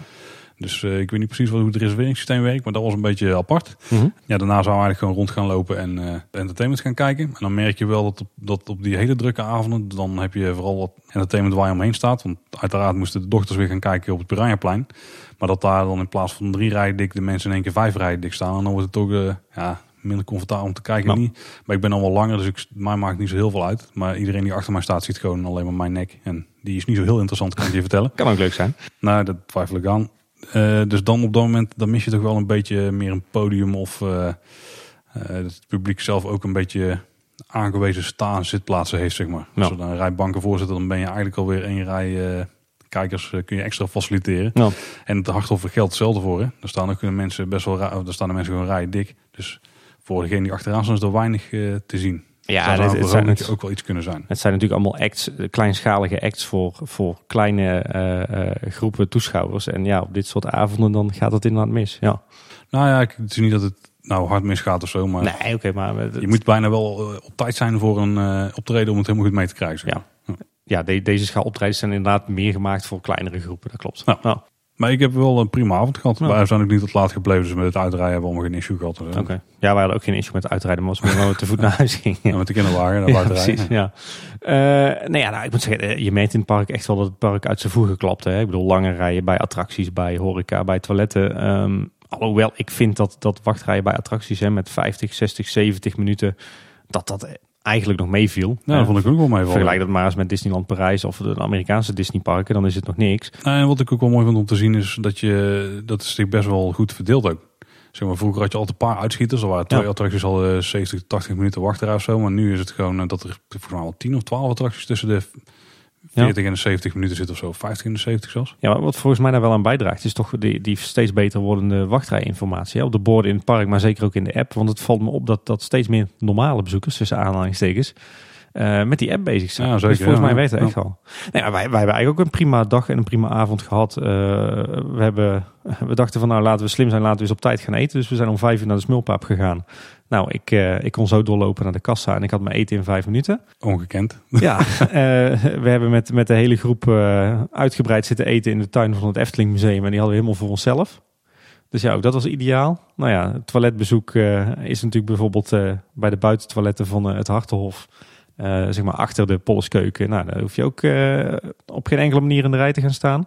En we hebben s'avonds bijvoorbeeld nog een rondje Joris en de Draak gedaan. Dat ging ook super, super snel dankzij die, die, eh, die grouper die bovenaan op het station staat. En, en een ritje Fata, eh, waar we na een kwartiertje wachten eh, al aan de beurt waren. Villa Volta hebben we nog kunnen doen binnen 20 minuten. Dus ik vond het eigenlijk vond ik het allemaal wel redelijk soepel, soepel gaan, moet ik zeggen. Nou, scheelt, nou, ja, dan scheelt natuurlijk wel dat wij wel enige voorkennis hebben en weten wat, wat wel en niet wijs is. Maar Nee, precies. Want de, de Efteling heeft inmiddels een mail uitgestuurd met tips. Hè, van wat doe je nou... dat is eigenlijk een aflevering die we eigenlijk willen maken. ja, Maar wat zijn eh, dingen die slim zijn om te doen bij een drukke dag? Dus ook, eh, die tips zijn ook wel gewoon om eh, bezoekers te spreiden, om te ontmoedigen met de auto te komen en zo. Maar er staan dus ook gewoon dingen bij. Ga vroeg eten. Nou, heb Ja. jij je netjes gedaan, Tim. ja, precies. Eh, dat was eigenlijk wel het enige wat je hebt gedaan. maar jij weet dan nog waar, waar het bijvoorbeeld rustig is qua toiletten en zo. Ja. Want die toiletten daar die waren vroeger met de brink, met de grote optredens natuurlijk nog een stuk drukker. Ja, inderdaad. Nu, nu bijna niks meer te doen. Nee, precies. Dus dat, dat scheelt alweer een hoop.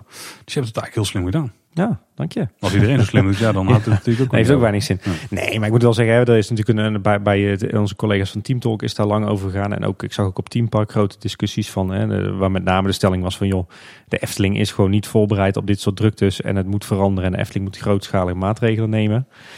Kijk, ik denk inderdaad dat de Efteling, eh, hè, die moet zich goed voorbereiden op dit soort avonden. Eh, aan de andere kant denk ik wel, eh, je moet je park niet willen, willen bouwen en willen inrichten voor dit soort eh, uitschieters. Hè, dan, dan denk ik, eh, dat doet niemand. Niemand die, die Nee, baseert zijn basiscapaciteit op, op eh, piekmomenten. Dan krijg je denk ik ook een, een park wat je helemaal niet, niet moet willen. Met, met veel te brede paden en veel te grote pleinen. Een beetje dat Tokyo Disney of Walt Disney Mhm. World idee. Shanghai Disney. Goed Ja, ik. Dus ik denk dat dit gewoon een piekmoment was waarop je moet accepteren dat het inderdaad te druk is. En eh, ik denk dat, dat dit ook, al jarenlang zo, zo gebeurt en dat, dat de gemiddelde liefhebber ook wel weet wanneer die avonden zijn. Ik denk wel dat de Efteling inderdaad eh, eh, toch een pakket van noodmaatregelen klaar moet hebben voor dit soort extreme dagen. En dat hebben ze natuurlijk wel, hè, want je ziet dat er de laatste jaren best wel wat geïnvesteerd is in allemaal extra tijdelijke horeca, speciaal voor die zomeravonden. Maar, maar bijvoorbeeld in, in extra wachtrijen, hè, daar- daar, zit volgens mij nog wel een verbeterpuntje. Mhm. Je ziet dat ze nu bij de Piranha eh, zo'n soort van flexibele wachtrij hebben gemaakt met, eh, met bussen in de grond waar ze tijdelijk palen in kunnen, kunnen zetten met touwen. Nou ja, dat zou natuurlijk voor, voor, voor, voor alle eh, attracties wel een optie zijn. Voor een hoop in ieder Of geval. in ieder geval voor, voor attracties Ja. die potentieel heel druk eh, zijn, waar de, waar de reguliere wachtrij dan geen capaciteit meer biedt. Eh, nou ja, we hebben, we hebben het al een beetje gehad over maatregelen ten aanzien van het, eh, het uitrijden van het parkeerterrein. Maar, maar ook bijvoorbeeld op het gebied van toiletcapaciteit. Ik denk enerzijds dat, het, dat de Efteling wel een opgave heeft om de komende jaren toch wat meer te investeren in permanente toiletcapaciteit. Hè, misschien iedere keer als, er, eh, als het park toch wordt uitgebreid.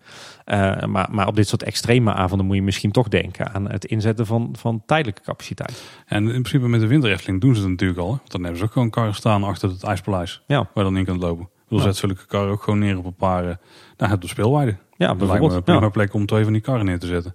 Ja, inderdaad. Ja, en, en, en En, kijk gewoon eens, je er ook nog wel eentje kwijt daar op het veld. ja, precies. En kijk gewoon eens op, een, op zo'n zomeravond waar, waar dan inderdaad de piekdrukte is. En zet daar iets weg. Hè. Denk bijvoorbeeld ook bij eh, het Antropiekplein, bij de Smulpaap. Dat is ook zo'n punt waar je eigenlijk het toilet goed mist. Oh, ja, ja, ja. Eh, en waar je ruimte zat hebt. Het, het ziet er niet mooi uit.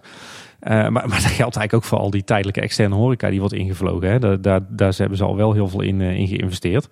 Ehm, maar ja, ik, inderdaad, ik denk wel dat de Efteling wat, misschien wat noodmaatregelen achter de hand moet hebben voor dit soort extreme dagen. Maar ik denk niet dat je je hele park permanent moet, moet willen inrichten op dit soort piekmomenten. Want dan krijg je ook een heel raar park.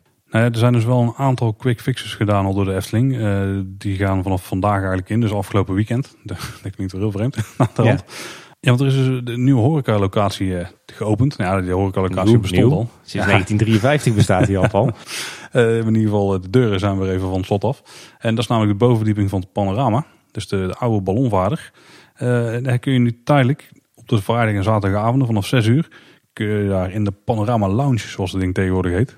Dat is de, Oh, is heet dat naam. zo? Ja, ik, ik ken hem nog als wolkenvader, maar dat zal er misschien wel weer een, eh, een, een tijdvak eerder zijn. E- Ergens heeft hij vast die naam gehad. Ehm, daar kun je voor 4,75 genieten van. Daar komt hij Tim. Wonderlijke friet. Nou, Met een keuze uit kebab, pulled pork, gebakken kabeljauw of gegrilde paprika en ui erbij. En die hoeft niet te reserveren. Je kunt gewoon bestellen aan de bar. Dan krijg je het en dan kun je het buiten opeten. zo. Eigenlijk best wel een, eh, sowieso een, een quick fix inderdaad, maar ook een supergoeie optie. Best wel veel waard voor je geld eigenlijk. Al bleek dit afgelopen vrijdag een groot fiasco en bleef het punt op zaterdag zelfs dicht. En volgens mij hebben die, eh, die hebben dit als tip gegeven in de vragen van luisteraars aflevering die de- deze week nog uitkomt. Dus we waren de tijd weer een beetje Ja, op. we hadden het, eh, ja. Die is van anderhalve week geleden. Dus of twee weken geleden inmiddels op het moment van uitbreng. Dus eh vergeef ons in die aflevering dat we dat feitje toen nog niet paraat hadden. Nee, precies. nou ja, wat ze, wat ze verder in, en want die mail die is, eh, die is dus inderdaad, eh, ik kan wel zeggen vandaag, maar eh, bij het uitkomen van deze podcast is het afgelopen vrijdag geweest, is die verzonden naar, naar alle abonnementhouders. Dat was een van de beloftes trouwens die ze hadden gedaan richting de gemeente. Ja, ja we moeten een paar tips even doorgeven aan abonnementhouders en mensen uit de buurt. Ja, en, en dat eigenlijk, een beetje basale tips. Eh, naast die extra horeca die ze dus daadwerkelijk hebben geregeld, was de, was de tip van kom met het OV of met de fiets. Eet buiten de reguliere etenstijden. Nou, dat heb ik dus al netjes gedaan. En eh, ja, eh, be- bezoek wellicht de Efteling op een andere dag, als het niet, niet zo druk is. En check inderdaad de wachttijden in de app. Ja, ja Dat goed, dat vond ik redelijk, redelijk voor de hand liggend inderdaad. Nou ja, kijk eens eh, wat ze dus ook nog hebben gedaan afgelopen week. Want eh, woensdag 15 augustus was het ook enorm druk. Was dat woensdag? Ja, was op een woensdag. Ja. Eh, toen was het ook heel eh, want toen was het volgens mij een feestdag in België en Duitsland of zo. Dat was ook een dag dat het in Toverland in één keer super druk Ja, was. Dus ja. Met alle mensen uit het oosten natuurlijk. Toen hebben ze het park ook een half uur langer open gehouden. En om waarschijnlijk voor meer spreiding van vertrekkende bezoekers te zorgen, hebben ze ook een extra Aquanura show ingelast. Ja. Om kwart, die dan een kwart van negen volgens mij draaide. Ehm, dus ook wel slim voor de spreiding. Ze hebben een blogbericht geplaatst over dat je eerder naar het park moet komen. Nou, dat was ook een onderzoek van eh, de Raad der Wijzenaar. Volgens mij was dat ook een van de zaken die Maurice aanhaalde in die Teamtalk aflevering Ja, waar we naar refereerden. Ja. ja, want het idee daar is volgens mij als je eerder komt, dan eh, ben je ook geneigd om weer eerder weg te gaan. Want eh, heb Ja, je al ja. waar eh, voor je geld gehaald, denk ik of zo. En het is natuurlijk spreiding van het inrijdend verkeer. Ja, maar Nou, dat is op zich wel goed geregeld Ja. op dit moment. Dus ik denk dat dat issue niet is. Of dat het een kleiner issue is.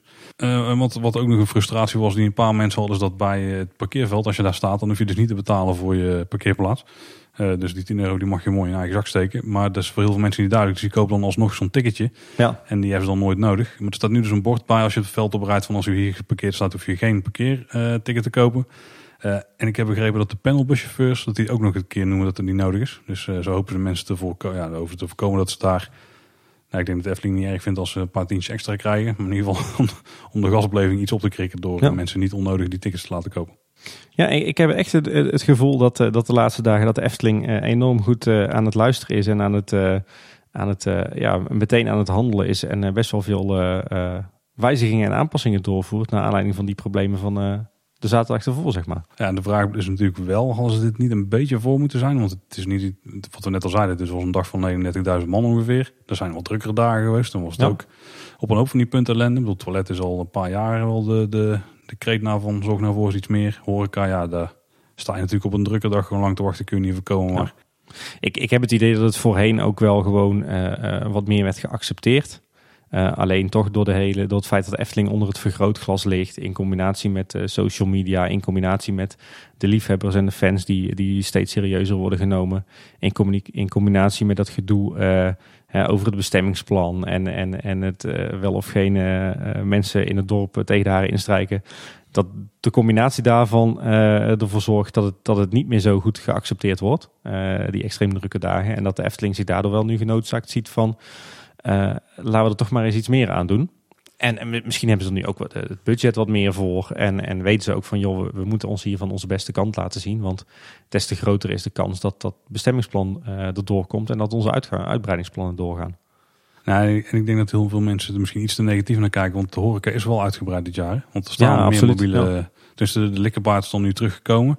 De hamburgerkar die daar stond, die is naar het speelweide gegaan. De horeca daar die is volgens mij vergelijkbaar met vorig jaar. Misschien dat er nog zelfs eh, iets meer is dan vorig jaar. Eh, dan heb je nog die nieuwe friet, of die extra frietkar achter Symbolica. Bij de waterval daar. Ja. Eh, dus op, op, en voor mijn gevoel heb je ook meer mobiele karren. Ook in het Sprookjesbos Ja, heb je veel meer ijsjes en zo die je kunt kopen links en rechts. Dus volgens mij doen ze er wel meer aan. Alleen ja, het- nou, misschien wel naarmate van het aantal bezoekers was er meer. Ja, nee, ik best, dat denk- best goed doen. Ik denk inderdaad dat ze het goed doen. Ook als je ziet het, het in- en het uitrijden gaat, is dit jaar zit, zit al veel meer begeleiding op dan voorgaande jaren met al die verkeersregelaars en die, die aangepaste regeling van de, de stoplichten. Dus ja, daarom vind ik eigenlijk ook dat de berichtgeving zowel in het Brabants Dagblad, maar, maar ook bij eh, eh, bijvoorbeeld bij onze collega's van Team Talk en ook eh, op een aantal fora wel heel erg aan de zure kant is. Hè. Ik bedoel, het was zaterdag 11 augustus gewoon uitzonderlijk druk. Die dagen heb je heel af en toe. En ja, wij hebben allebei blijkbaar een, best wel een aangename avond gehad nog. En, en ja, weet je, eh, het was al minder chaos dan in voorgaande jaren. Nou, ik vind het wel eh, interessant om over na te denken wat ze dan wel aan kunnen doen. Want ik denk dat een aantal van die frustraties, die, ze zijn dus nu echt wel dingen aan het verbeteren. Maar vooral toiletcapaciteit is eigenlijk zo simpel op te lossen. Ja, dat nou ja, doen daar hebben we het al over gehad. Hè? Dat, ja. Zeg maar, maar, ja, maar dat is ook iets wat, wat je eigenlijk al jaren weet. Ja. Net als druk op de paden zo vond ik ook wel meevallen. Ja, je hebt af en toe natuurlijk is het wel ergens druk. En als ze naar 7 miljoen bezoekers gaan, dan wordt het park tegen die tijd groter. Dus het is wel Ja. interessant hoe ze dat gaan doen. Maar ik denk dat er dan op een paar punten misschien wel iets... eh, Ja, het is met, name, komen, dat, maar- met name dat uitrijden inderdaad eh, van de parkeerterreinen en de toiletcapaciteit en, en de tijdelijke meanderingen. Dat zijn volgens mij even drie eh, main issues waar je volgens mij redelijk makkelijk wel wat aan kan doen. ja. Ja, horeca wordt ook al... Horeca is er toch wel redelijk goed op orde. Ja, vind ik wel. En ik denk, kijk, met, met de uitbreidingen, zeker met, met strookrijk straks, denk ik dat je bij iedere grote uitbreiding dat je moet zorgen dat je daar eh, weer extra horeca en extra toiletcapaciteit bij hebt. Eh, maar, maar als ik al zie wat er, wat er nu al aan, aan, aan horeca is eh, in de Efteling op een normale dag. en wat er aan extra horeca wordt ingevlogen, zowel qua, qua mobiele karren als externe horeca op, tijdens zo'n 7 mijlzomer en tijdens zo'n zomeravond, dan denk ik dat, dat dat al ruim voldoende is. Want je- wil gewoon niet een heel park vol horecapunten die normaal gesproken gesloten zijn. En, en een oplossing voor de lange termijn is natuurlijk meer uitrijk. En daar meer restaurants en horeca. Ja, en dat je makkelijk het park in en uit zou kunnen. Ja, ja. Ja, en wat ik ook nog wel zou zien zitten trouwens, dat ze de speelweide wel meer benutten. Dat ze er iets van, een, eh, van mobiele attracties neerzetten. Dus dat je dan nog een paar oude molens opstelt, misschien een eh, klein reuzenrad of zo. Een beetje zo'n nostalgische kermis-achtig iets. Zou nog best wel prima Ja. passen op zo'n avond. En dan heb je ook gewoon meer attractiecapaciteit. Eh, en dan heb je dus gewoon minder druk op de rest van de wachtrij ook. Ja. Ja, en je zou ook zonder attracties zou je het kunnen doen. En je zou natuurlijk dat eh, de speelweide weer in, eh, in- als groot geheel in gebruik kunnen nemen.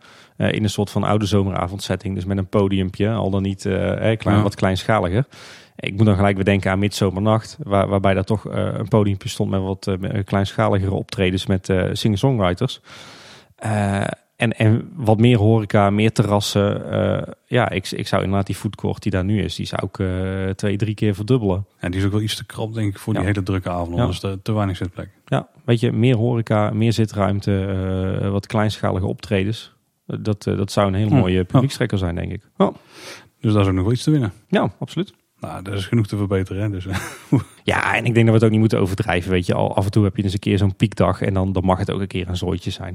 nou, in principe is het inderdaad zo wat je zegt, klopt. Je, hoeft je, je moet je park niet bouwen voor de piekmomenten. Maar je zou ze wel moeten kunnen opvangen met wat mobiele eh, faciliteiten. En dat doen ze voor een groot deel al best goed. Klopt. Maar kan Daar ben ik wel helemaal met je eens. ja. Daar ben ik helemaal met je eens. Weet je, weet je wat mij trouwens wel opviel? Maar misschien is dat een toeval. Eh, toevallig was ik en vrijdagavond 10 augustus en zaterdagavond 11 augustus in het park. En ook nog eens woensdag 15 augustus. Dat waren drie vrij drukke, drukke dagen. Ik heb een bijna vergelijkbaar schema. Ik was, don- ik was er op donderdag de 16e. Ah, kijk. En wat mij opviel is dat alle drie die dagen, eh, twee keer s'avonds en één keer s ochtends, dat er een, eh, een groot ongeval heeft plaatsgevonden op de N261 bij de Efteling. Waarbij eh, ambulance, brandweer en traumaheli werden opgeroepen. Oké. En ik vraag mij toch af of dat nou iets te maken heeft met de drukte in de Efteling. Ik heb, geen, ik heb de situatie niet gezien. Is het wel steeds op dezelfde plek ongeveer? Of, ja, eh? dit is in ieder geval wel steeds ter hoogte van eh, eh, de afrit eh Kaatsheuvel Efteling. de, de snelweg op dan. Nee, ja, ja, weet ik zo, durf ik zo niet te zeggen. In ieder geval op de snelweg. Dus Kom, je ja, dan, ja, kom je dan uit die tunnel? Zeg maar uit, de, de onder, uit het, onder het viaduct vandaan? nou ja, het fijne weet ik er niet van. Het enige wat ik me kan voorstellen is dat mensen zich misschien eh, op, de, op de file richting de Efteling inrijden. Ja, ik kan me voorstellen dat als je onder het viaduct uitkomt, dat je dan, dan rij een beetje omhoog, zeg maar. Dat je dan eh, het verkeer niet ziet als het daar stilstaat. Misschien moeten daar matrixborden neer. Nou ja, dat, zou, is misschien wel een verbeterpunt inderdaad. Ja, je hebt natuurlijk geen matrixborden die waarschuwen voor file. En zeker op drukke dagen kan er natuurlijk best wel wat file staan op die Ja. N261. En als je daar ineens door wordt verrast. Ja, dat is wel trouwens, ja. Want als je dus richting het noorden rijdt, dus de- richting het zuiden, ja, trouwens hetzelfde, ja. Want de, de aansluiting die is dan, je hebt eigenlijk een soort van put eh, onder het viaduct. En dan rij je dan uit en als je bovenaan komt, dan ben je ongeveer op het punt dat de invoegstrook erbij komt. En Ja. daar gaat het dan natuurlijk opstoppen. Dus dat, dat viel mij nog op. En we hadden ook nog een vraag gekregen van Michel van Marwijk. Volgens mij was het de aanleiding een beetje van, er komen steeds meer mensen. Eh, dus niet alleen nu is het druk, zeg maar, als we naar 7 miljoen willen gaan, dan, ja, dan krijg je dus vaker drukke dagen waarschijnlijk. Ja. Ehm, en wat moet de Efteling hier aan doen? Een grote attractie levert vooral meer bezoekers op.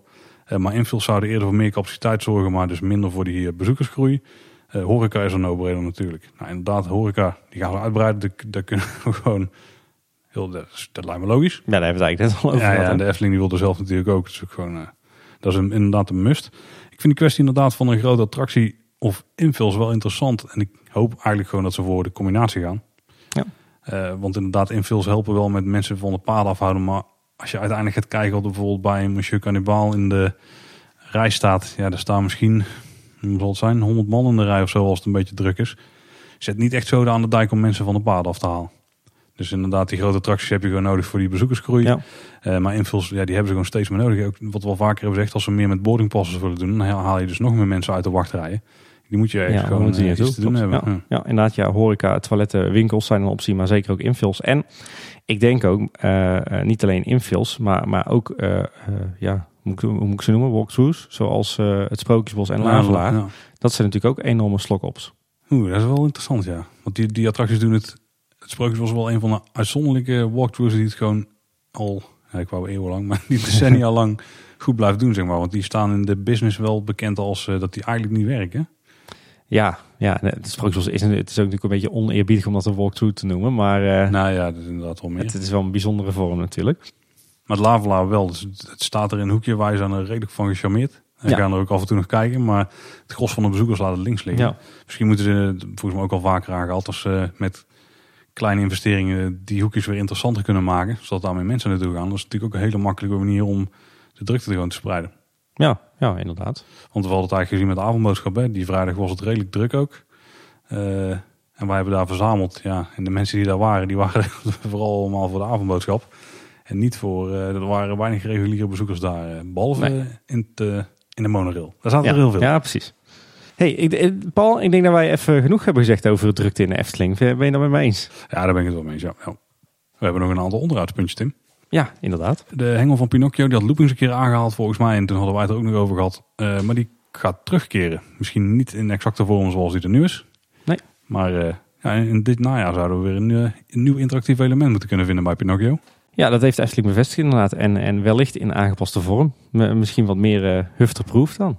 Ja, en ik had, er ook, uh, ik had er ook over zitten nadenken. Het was ook niet heel duidelijk zeg maar, hoe die hengel werkt. Ik had niet het idee van met de klinkers heel logisch, je duwt het naar beneden en dan heb je een harde stop. Maar die hengel die gaf gewoon steeds meer weerstand. En het was nooit echt duidelijk wanneer je nou hetgeen had gedaan. Wanneer Wat iets triggerde. Ja, precies. ja, en daardoor ga je waarschijnlijk als een dol aan het ding lopen uh, ja, trekken. En dan sneuvelt hij natuurlijk wel sneller ja. dan als het heel ja. duidelijk is wanneer je hebt gedaan wat je moest doen. Dus hopelijk doen ze daar iets aan. Voor mij het toen ik een rondje in Carnaval Festival deed, dat het in één keer best fris was op een warme dag. En een luisteraar had, ons er ook op geattendeerd. En het lijkt toch wel dat ze daar iets uh, met Erco hebben gedaan. Toen, er was een beetje discussie van wat er nou precies gebeurd. En het lijkt erop dat ze eigenlijk vooral voor de mensen die daar staan, voor de medewerkers, dat ze daar uh, een Erco-systeem voor hebben aangeschaft. Ja, ik heb het gevoel, ik ben er zelf ook een paar keer wezen kijken. Uh, overigens niet zozeer voor dit nieuws hoor. Maar uh, in, de, in de opstaphal heb je, heb je zeg maar in de, in de vloer heb je wat inblaasroosters zitten. En ik heb het, uh, het idee dat daar tegenwoordig inderdaad gekoelde lucht uitkomt. Dus wellicht hebben ze een zodanige aanpassing gedaan op de, de, zeg maar de luchtbehandeling daar, dat, dat die daar nu gekoelde lucht uitblaast. Ik zou denken, zouden ze dan nog misschien iets lenen van het systeem wat bij Vogelrok gebruikt wordt? Dat, ze daar dat, onder, zou, dat zou zomaar een optie kunnen zijn, ja.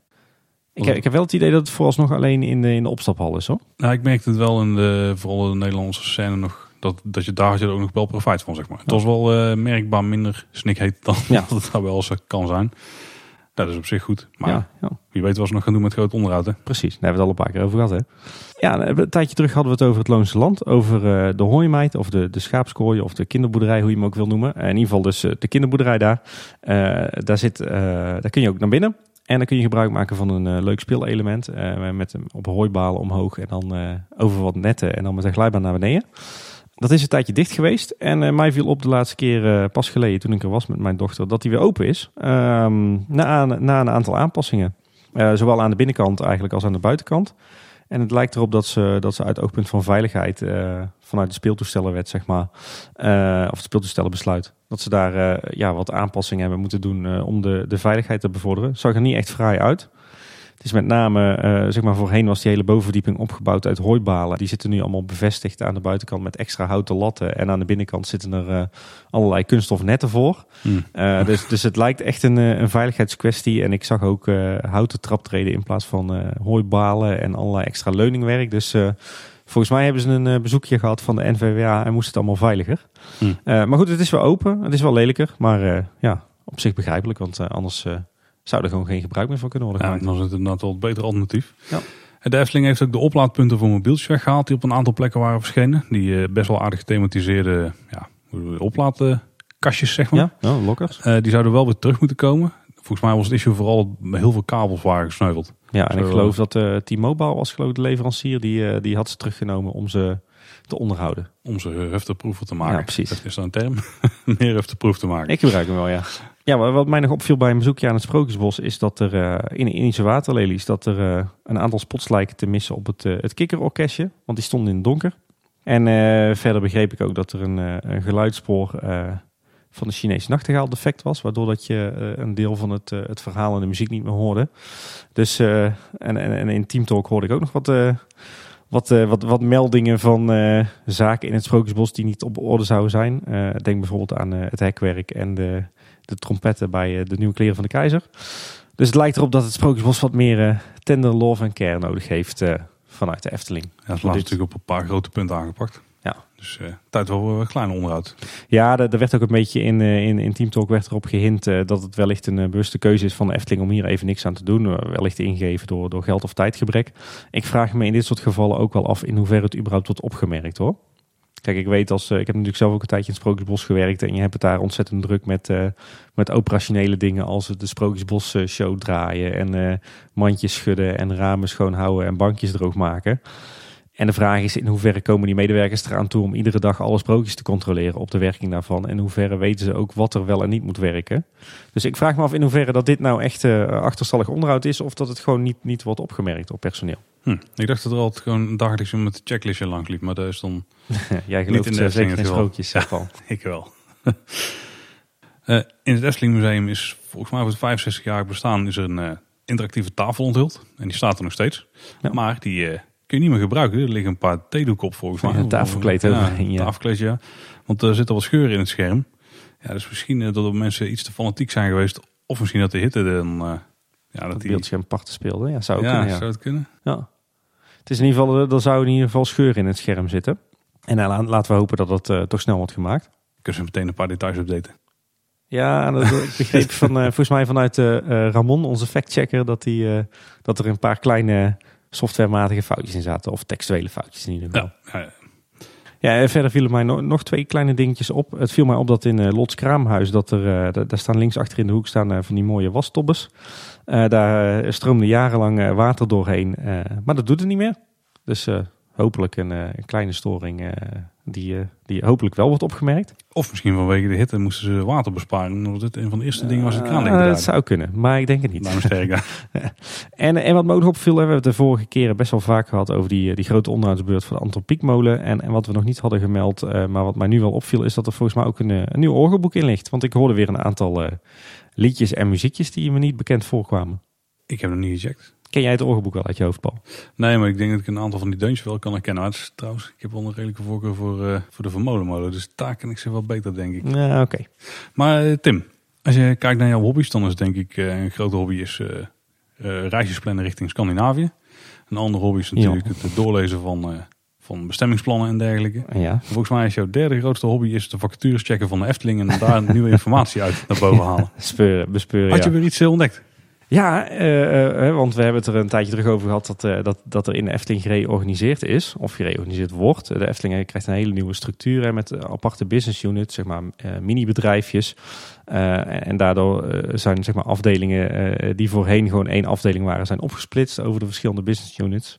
Eh, je hebt volgens mij eh, park, eh, verblijf, eh, er evenementen, en, en eh, evenementen en, en golf. Eh, en, en ja, dan is het natuurlijk leuk om uit te zoeken hoe zit dat dan. Want wij krijgen die organogrammen natuurlijk niet, eh, niet door. Maar dat, dat kan je heel eh, mooi uit, uit die vacatures halen. Wat me deze keer was opgevallen is dat er zoiets is binnen de business unit park. Wat, wat heet de afdeling attracties, entree en entertainment. Ja, de, de afdeling attracties en entree eh, op zich houdt het nog wel verband met elkaar. Dat, dat kan je nog wel begrijpen. Ik was alleen verbaasd dat entertainment blijkbaar tot diezelfde afdeling behoort. Dat is toch wel een hele andere tak van sport met, met ander soort mensen en, en andere soort werkwijzes. En, en bovendien vroeg ik me dan af of dan de andere business units allemaal hun eigen aparte afdeling entertainment hebben. Ja, spoiler, er is wel een afdeling evenementen en theater. Ik kan me dus voorstellen dat daar dan weer losgekoppeld is. Ja, ik had dan, dat had me dan logischer geleken als dan daar die afdeling entertainment. Nou ja, dat gaat denk ik gewoon over het park entertainment. Dus misschien wil ze het toch meer betrekken bij de, ja, bij de mensen die daar rondlopen. Ja, ik Ja, de- de- Ja. ik vond het een rare link. En, eh, ik kan ja. me iets voor voorstellen. hoor. Als je gewoon kijkt naar de mensen die bij de entree dus het entertainment verzorgen. In het park. Maar dat heb je ze al eigenlijk al, alle drie. En dat, dat hebben de attracties nog niet echt te pakken. Maar Nou ja, nou, ik, ik, ik, kijk, ik, ik had het, maar het had mij logischer geleken als, als entertainment gewoon één overkoepelende afdeling was voor de hele wereld van de Efteling. Eh, en en niet, niet losse afdelingen per business unit. Inderdaad, wat, wat verder nog eh, voorbij kwam was de afdeling evenementen en theater. Dat, dat zal dan die nieuwe business unit zijn. Ja, op zich denk ik wel een logische combi. Maar ja, de vraag is ook weer even, theater wordt natuurlijk voor meer gebruikt dan alleen evenementen. Kan in principe ook gewoon worden eh, gebruikt voor de, de normale operatie. Zeker straks met Caro. Dus ja, dat is ook weer verrassend. en, en dan was er ook nog een, voor, eh, een vacature voor een eh, werkvoorbereider groen. Eh, op zichzelf eh, niet heel eh, spannend. Maar wat daar dan weer uit naar voren kwam, was dat je dus de, de business unit Efteling Park hebt. Daaronder valt de afdeling onderhoud en service. Daaronder valt de afdeling uitvoering. En daaronder vallen dan weer zes afdelingen, waaronder de afdeling groen. zo.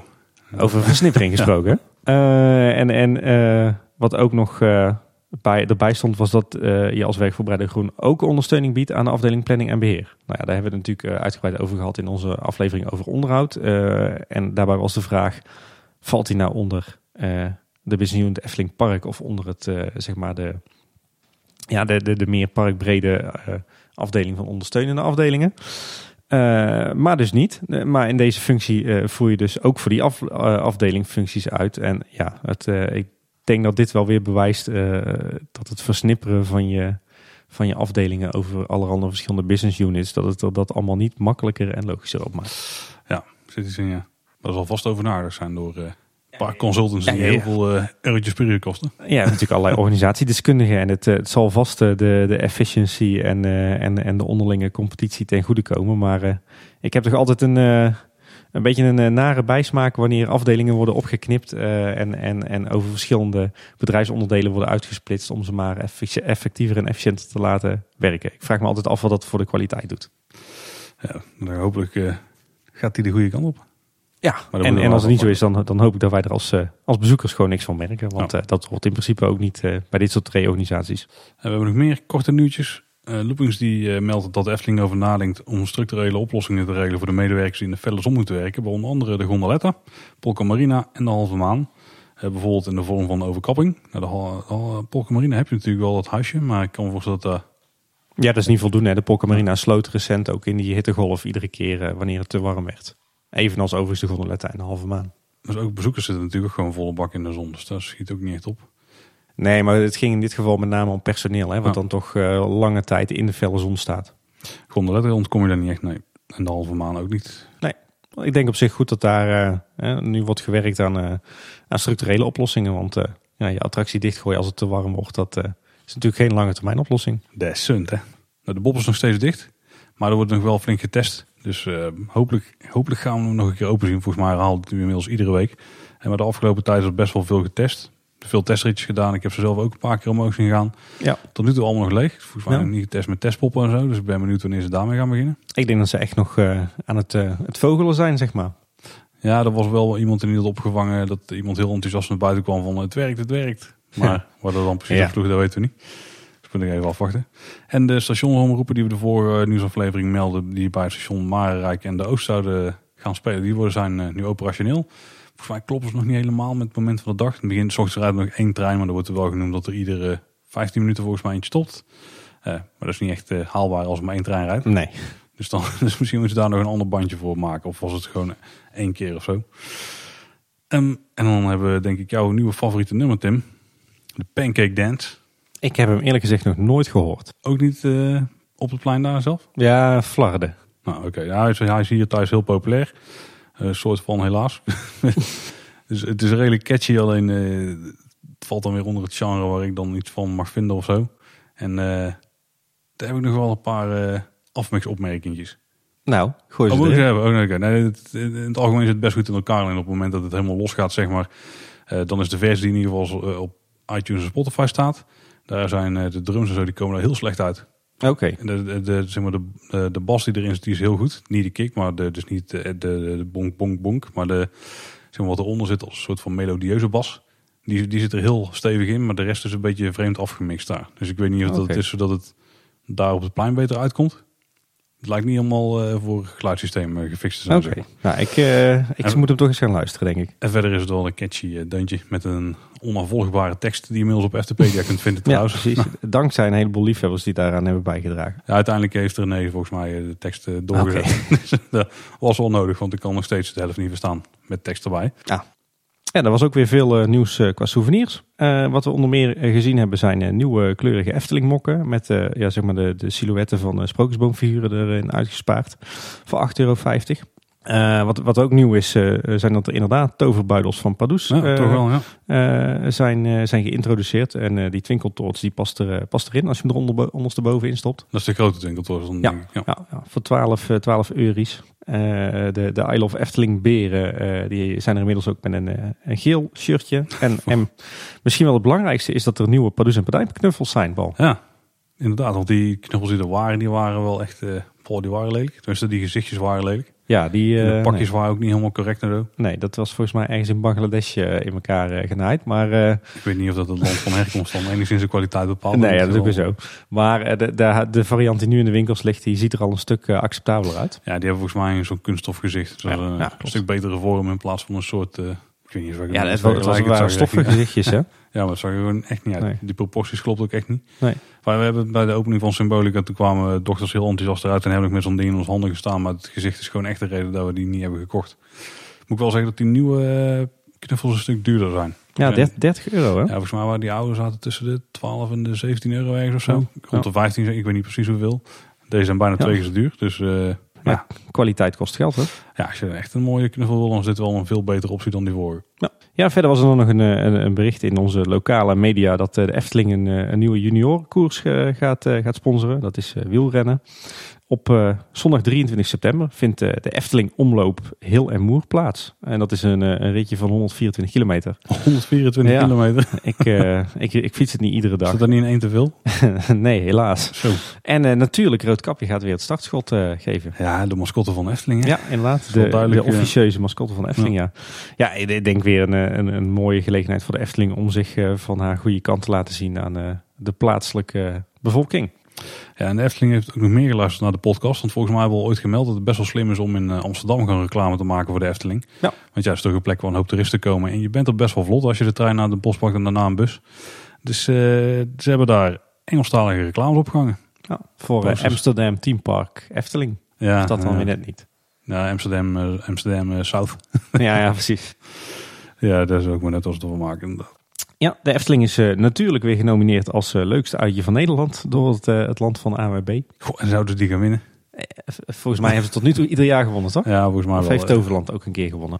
Nee. Nou, oké. Ja, misschien wel maar niet de afgelopen vier jaar. of zo. Ja, ja. Nee, volgens mij ook wel meer dan terecht als we meer zouden winnen. Maar er moet wel gestemd voor worden. Dus hè, dat draagt ze nu op alle plekken uit waar het maar kan. ja, precies. Volgens mij stond zelfs in een nieuwsbrief van lees hier waarom en ga stemmen. dus ze trommelen ons wel op. We hadden net al over de openingstijden. Er was een blogbericht hè, van eh, kom op tijd naar het park, want dan heeft het allemaal voordelen. Ja. En dan waren dan blijkbaar tips. Ik weet ook niet. maar Ja, nou, wat ik wel interessant vond was dat, eh, dat, dat het werd eh, her en her opgevat van... eh joh, de Efteling gaat misschien zijn openingstijden verruimen aan de voorkant. Dus het Efteling Park gaat wellicht eerder open. Alleen ik had de indruk als ik zowel zeg maar die, dat Efteling blogbericht las... als ook als ik de enquête van de Raad der Wijzen eh, zag... want ik ben daar ook lid van, dus ik heb hem ook even ingevuld... dat er toch echt meer, eh, meer gekeken wordt naar... joh, eh, zorg inderdaad dat je ergens tussen 9 en 10 het park ingaat... en dat je dan op de Pardoespromenade en de Brink bent... Want dan kun je vast in de rij gaan staan voor, voor een poort naar een bepaald rijkdeel. Je kan alvast wat eten, wat drinken, wandelwagentjes halen, geld pinnen, noem maar op.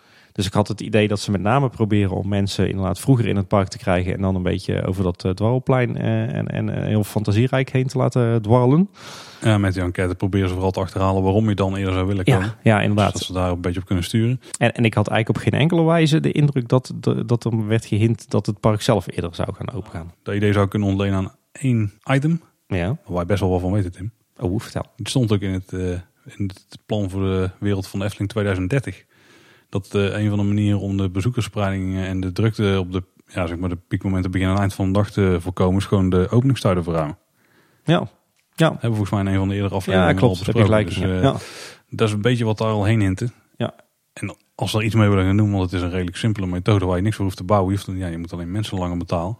Ja, ja je moet Dus, eerder beginnen. Hè? Ja. Nou, misschien dat het daar een beetje vandaan Het, het, zou een optie, zeker een optie kunnen zijn. Ik denk voor ouders met jonge kinderen echt wel een uitkomst. Want eh, wat dat betreft is 10 uur en, en zeker in de winter 11 uur is echt, echt te laat. Als je dat eh, binnen alle slaapjes en eetmomentjes eh, moet persen. Eh, de- dus voor mij zou het zeer welkom zijn. Alleen ja, het kost de Efteling natuurlijk gigantisch veel extra manuren om een uurtje eerder open te gaan. Hè? Ja, en de operatie moet helemaal veranderd worden. Want nu is het helemaal opgericht van het moet om tien uur open. En er is al, ja, tot tien uur, oké, technisch gezien gaat het al iets eerder open. Voor de hotelgasten en de Bosrijk en Loonse landgasten. Maar ja, het is wel een hele switch in één keer als je dat gaat aanpassen. Ja, als je ziet dat nu de attracties, eh, dat men om half acht of acht uur begint met opstarten. Ja, dan kan je dan ook weer een, een uurtje vervroegen. Nou was er nog een Belgische bioloog. En die vond het onbegrijpelijk dat er in de Efteling nog steeds gerookt mag worden. Ja, helemaal mee eens. Ja, daar ben ik het ook helemaal mee eens. Ja. Maar, maar eh, ja, Ja, want het zou hartstikke ongezond zijn zo natuurlijk. Ja, dat weten Ja, we met ja. Is- Ik, ik denk dat de Efteling inderdaad best wel haar nek mag uitsteken om eh, te zeggen wij worden een rookvrij park met uitzondering van een aantal rookzones. Ja, zoals het eigenlijk op heel veel plekken gaat tegenwoordig Ja, in de wereld. ja, ja, en ik denk dat de Efteling daar, hè, in Nederland is dat nog niet zo ver in. In andere landen eh, om ons heen eh, is dat al veel verder. Hier in Nederland vindt iedereen toch dat een eh, sigaretje moet kunnen. Maar ik denk dat de Efteling daar best wel een, zeker vanuit het, het oogpunt van internationalisering, best wel een voortrekkersrol in mag vervullen. Ja, het is wel een kritiek die ik dan wel hoor van ehm, vooral mensen uit de Verenigde Staten. Dat het opvallend is hoeveel er wordt gerookt. Ja, ja maar dat- daar is dat ook veel verder wat dat betreft, die, Ja. die inperking van, van de rokers. Dus ja, ik ben alleen maar voor. Eh enig, enig nadeel is dan dat je dus her en der lelijke rookplekjes gaat krijgen. Ja. Maar dat is dan de keerzijde. Ja, en op YouTube was een preview verschenen van de repetitie van Caro. van een nieuwe theatershow. Hè. Die gaat volgens mij vanaf begin september gaan de try-outs, nee, heet dat zo bij de Efteling. Gewoon, Ja, ja, try-outs volgens mij. Ja. Ja, die gaan dan eh, starten en volgens mij is 15 september de première. En dan kun je dus naar de officiële voorstellingen toe. Dus nou, als je al een beetje wil kijken hoe dat daar gaat, eruit gaat zien. Want je krijgt al een paar glimsen van het decor. Wat er overigens best wel tof uitziet. ja, dat is een beetje, een beetje eh, steampunk, hè? Ja, ja. Oh. dus ik ben wel benieuwd wat daar eh, gaat gebeuren. een carouselpaard voorbij komen. Ik, eh, vooralsnog ziet het er... ja, je kon er niet heel veel uit herleiden uit het filmpje. Maar het ziet er redelijk veelbelovend uit. Ik denk dat wij maar eens moeten gaan kijken daar. Ja. En verslag gaan uitbrengen. Nou Tim, het is ons weer gelukt. Ja. We, we hebben weer enorm veel tijd volgepraat en geen tijd voor reacties. Nee, inderdaad. We zitten alweer op bijna anderhalf uur, geloof ik. En, eh, en, en het, eh, het pakketje met eh, reacties van luisteraars waar we het over willen hebben, dat blijft maar groeien. Ehm, maar, kleine spoiler. Ja, Zeer, we, zeer binnenkort. nou, we hebben morgen gespoild volgens mij. Oh ja, ja, inderdaad. Ja, ja.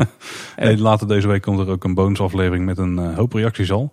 Daarbij kunnen we de reacties van een aantal afleveringen weg, eh, wegtikken. Ja. Maar we hebben er nog steeds wel wat te gaan. We hebben voor, voor na onze beide vakanties eh, hebben we nog, eh, hebben we nog aardig wat te doen. Eh, ja, en inmiddels dan hopelijk weer een hoop nieuwe reacties binnen. Ja, precies. Dus, eh, maar maar we, we, we, gaan daar echt, eh, we hebben het beloofd, we gaan daar echt voor eh, nog een keer goed voor zitten. Dus eh, blijf ze vooral sturen, de reacties. Hè?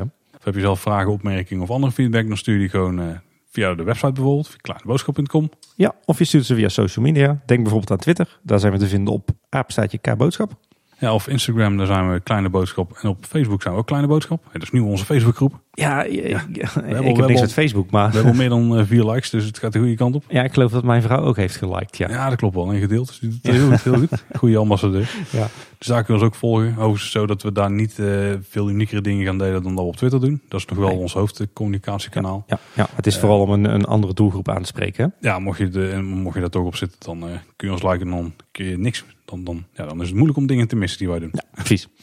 Eh, ja, dat was weer voor deze week dan, Tim. Ja, Paul, dit was een beetje, ja, to- toch weer een beetje afsluiten van de periode, geloof ik. Hè? De, de, de zomer zit er een beetje op voor ons. Hè? Ik, eh, ik heb ook geen eh, negen pleinenfestijnen meer, eh, Oh, meer, eh, meer op de planning staan. Nee, ik ga, ik Ik ga ga op vakantie en daarna jij. Ik ga nog wel een paar meemaken. Ja, ja, dus allebei om beurt op vakantie. En tegen de tijd dat wij terug zijn en dat wij weer samen gaan opnemen, dan is het alweer half september.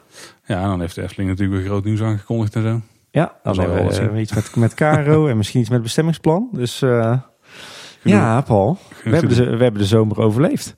Nou, die is nog niet afgelopen. Dus Ah, ja, is iets, iets te snel wat ik Ja, dat is waar, dat is waar, dat is waar. Nou ja, in ieder geval eh, wordt het, wordt het voor ons allebei tijd, denk ik, om te gaan genieten van vakantie. Ja, nou, je hoeft ons niet te missen de komende weken, want we zijn gewoon iedere maandagochtend weer in je podcastplayer of op de website met een nieuwe aflevering. Ja, we hebben weer ons best gedaan om een beetje wat afleveringetjes voor te produceren. En iedereen is natuurlijk super benieuwd wie de volgende week verschijnt in de aflevering. 44. Is dat dan 44? Ja. Of, eh, nee, dit is 43 toch? Nee, is 42. Mooie discussies. Ja, Ja. in aflevering 44 inderdaad. Ja, dus eh, ja, Paul, bedankt weer eh, voor dit eh, gezellige avondje. En eh, ik zie jou graag eh, terug eh, half september. En zijn luisteraars bedankt voor het luisteren en tot de volgende keer. Ja, fijne vakantie, Paul. Fijne vakantie Tim. En eh houdoe waar. Hado. Hedo. Dat is eh, Scandinavisch. Dat is eh, Zweeds. Maar je gaat naar Finland. Oh ja.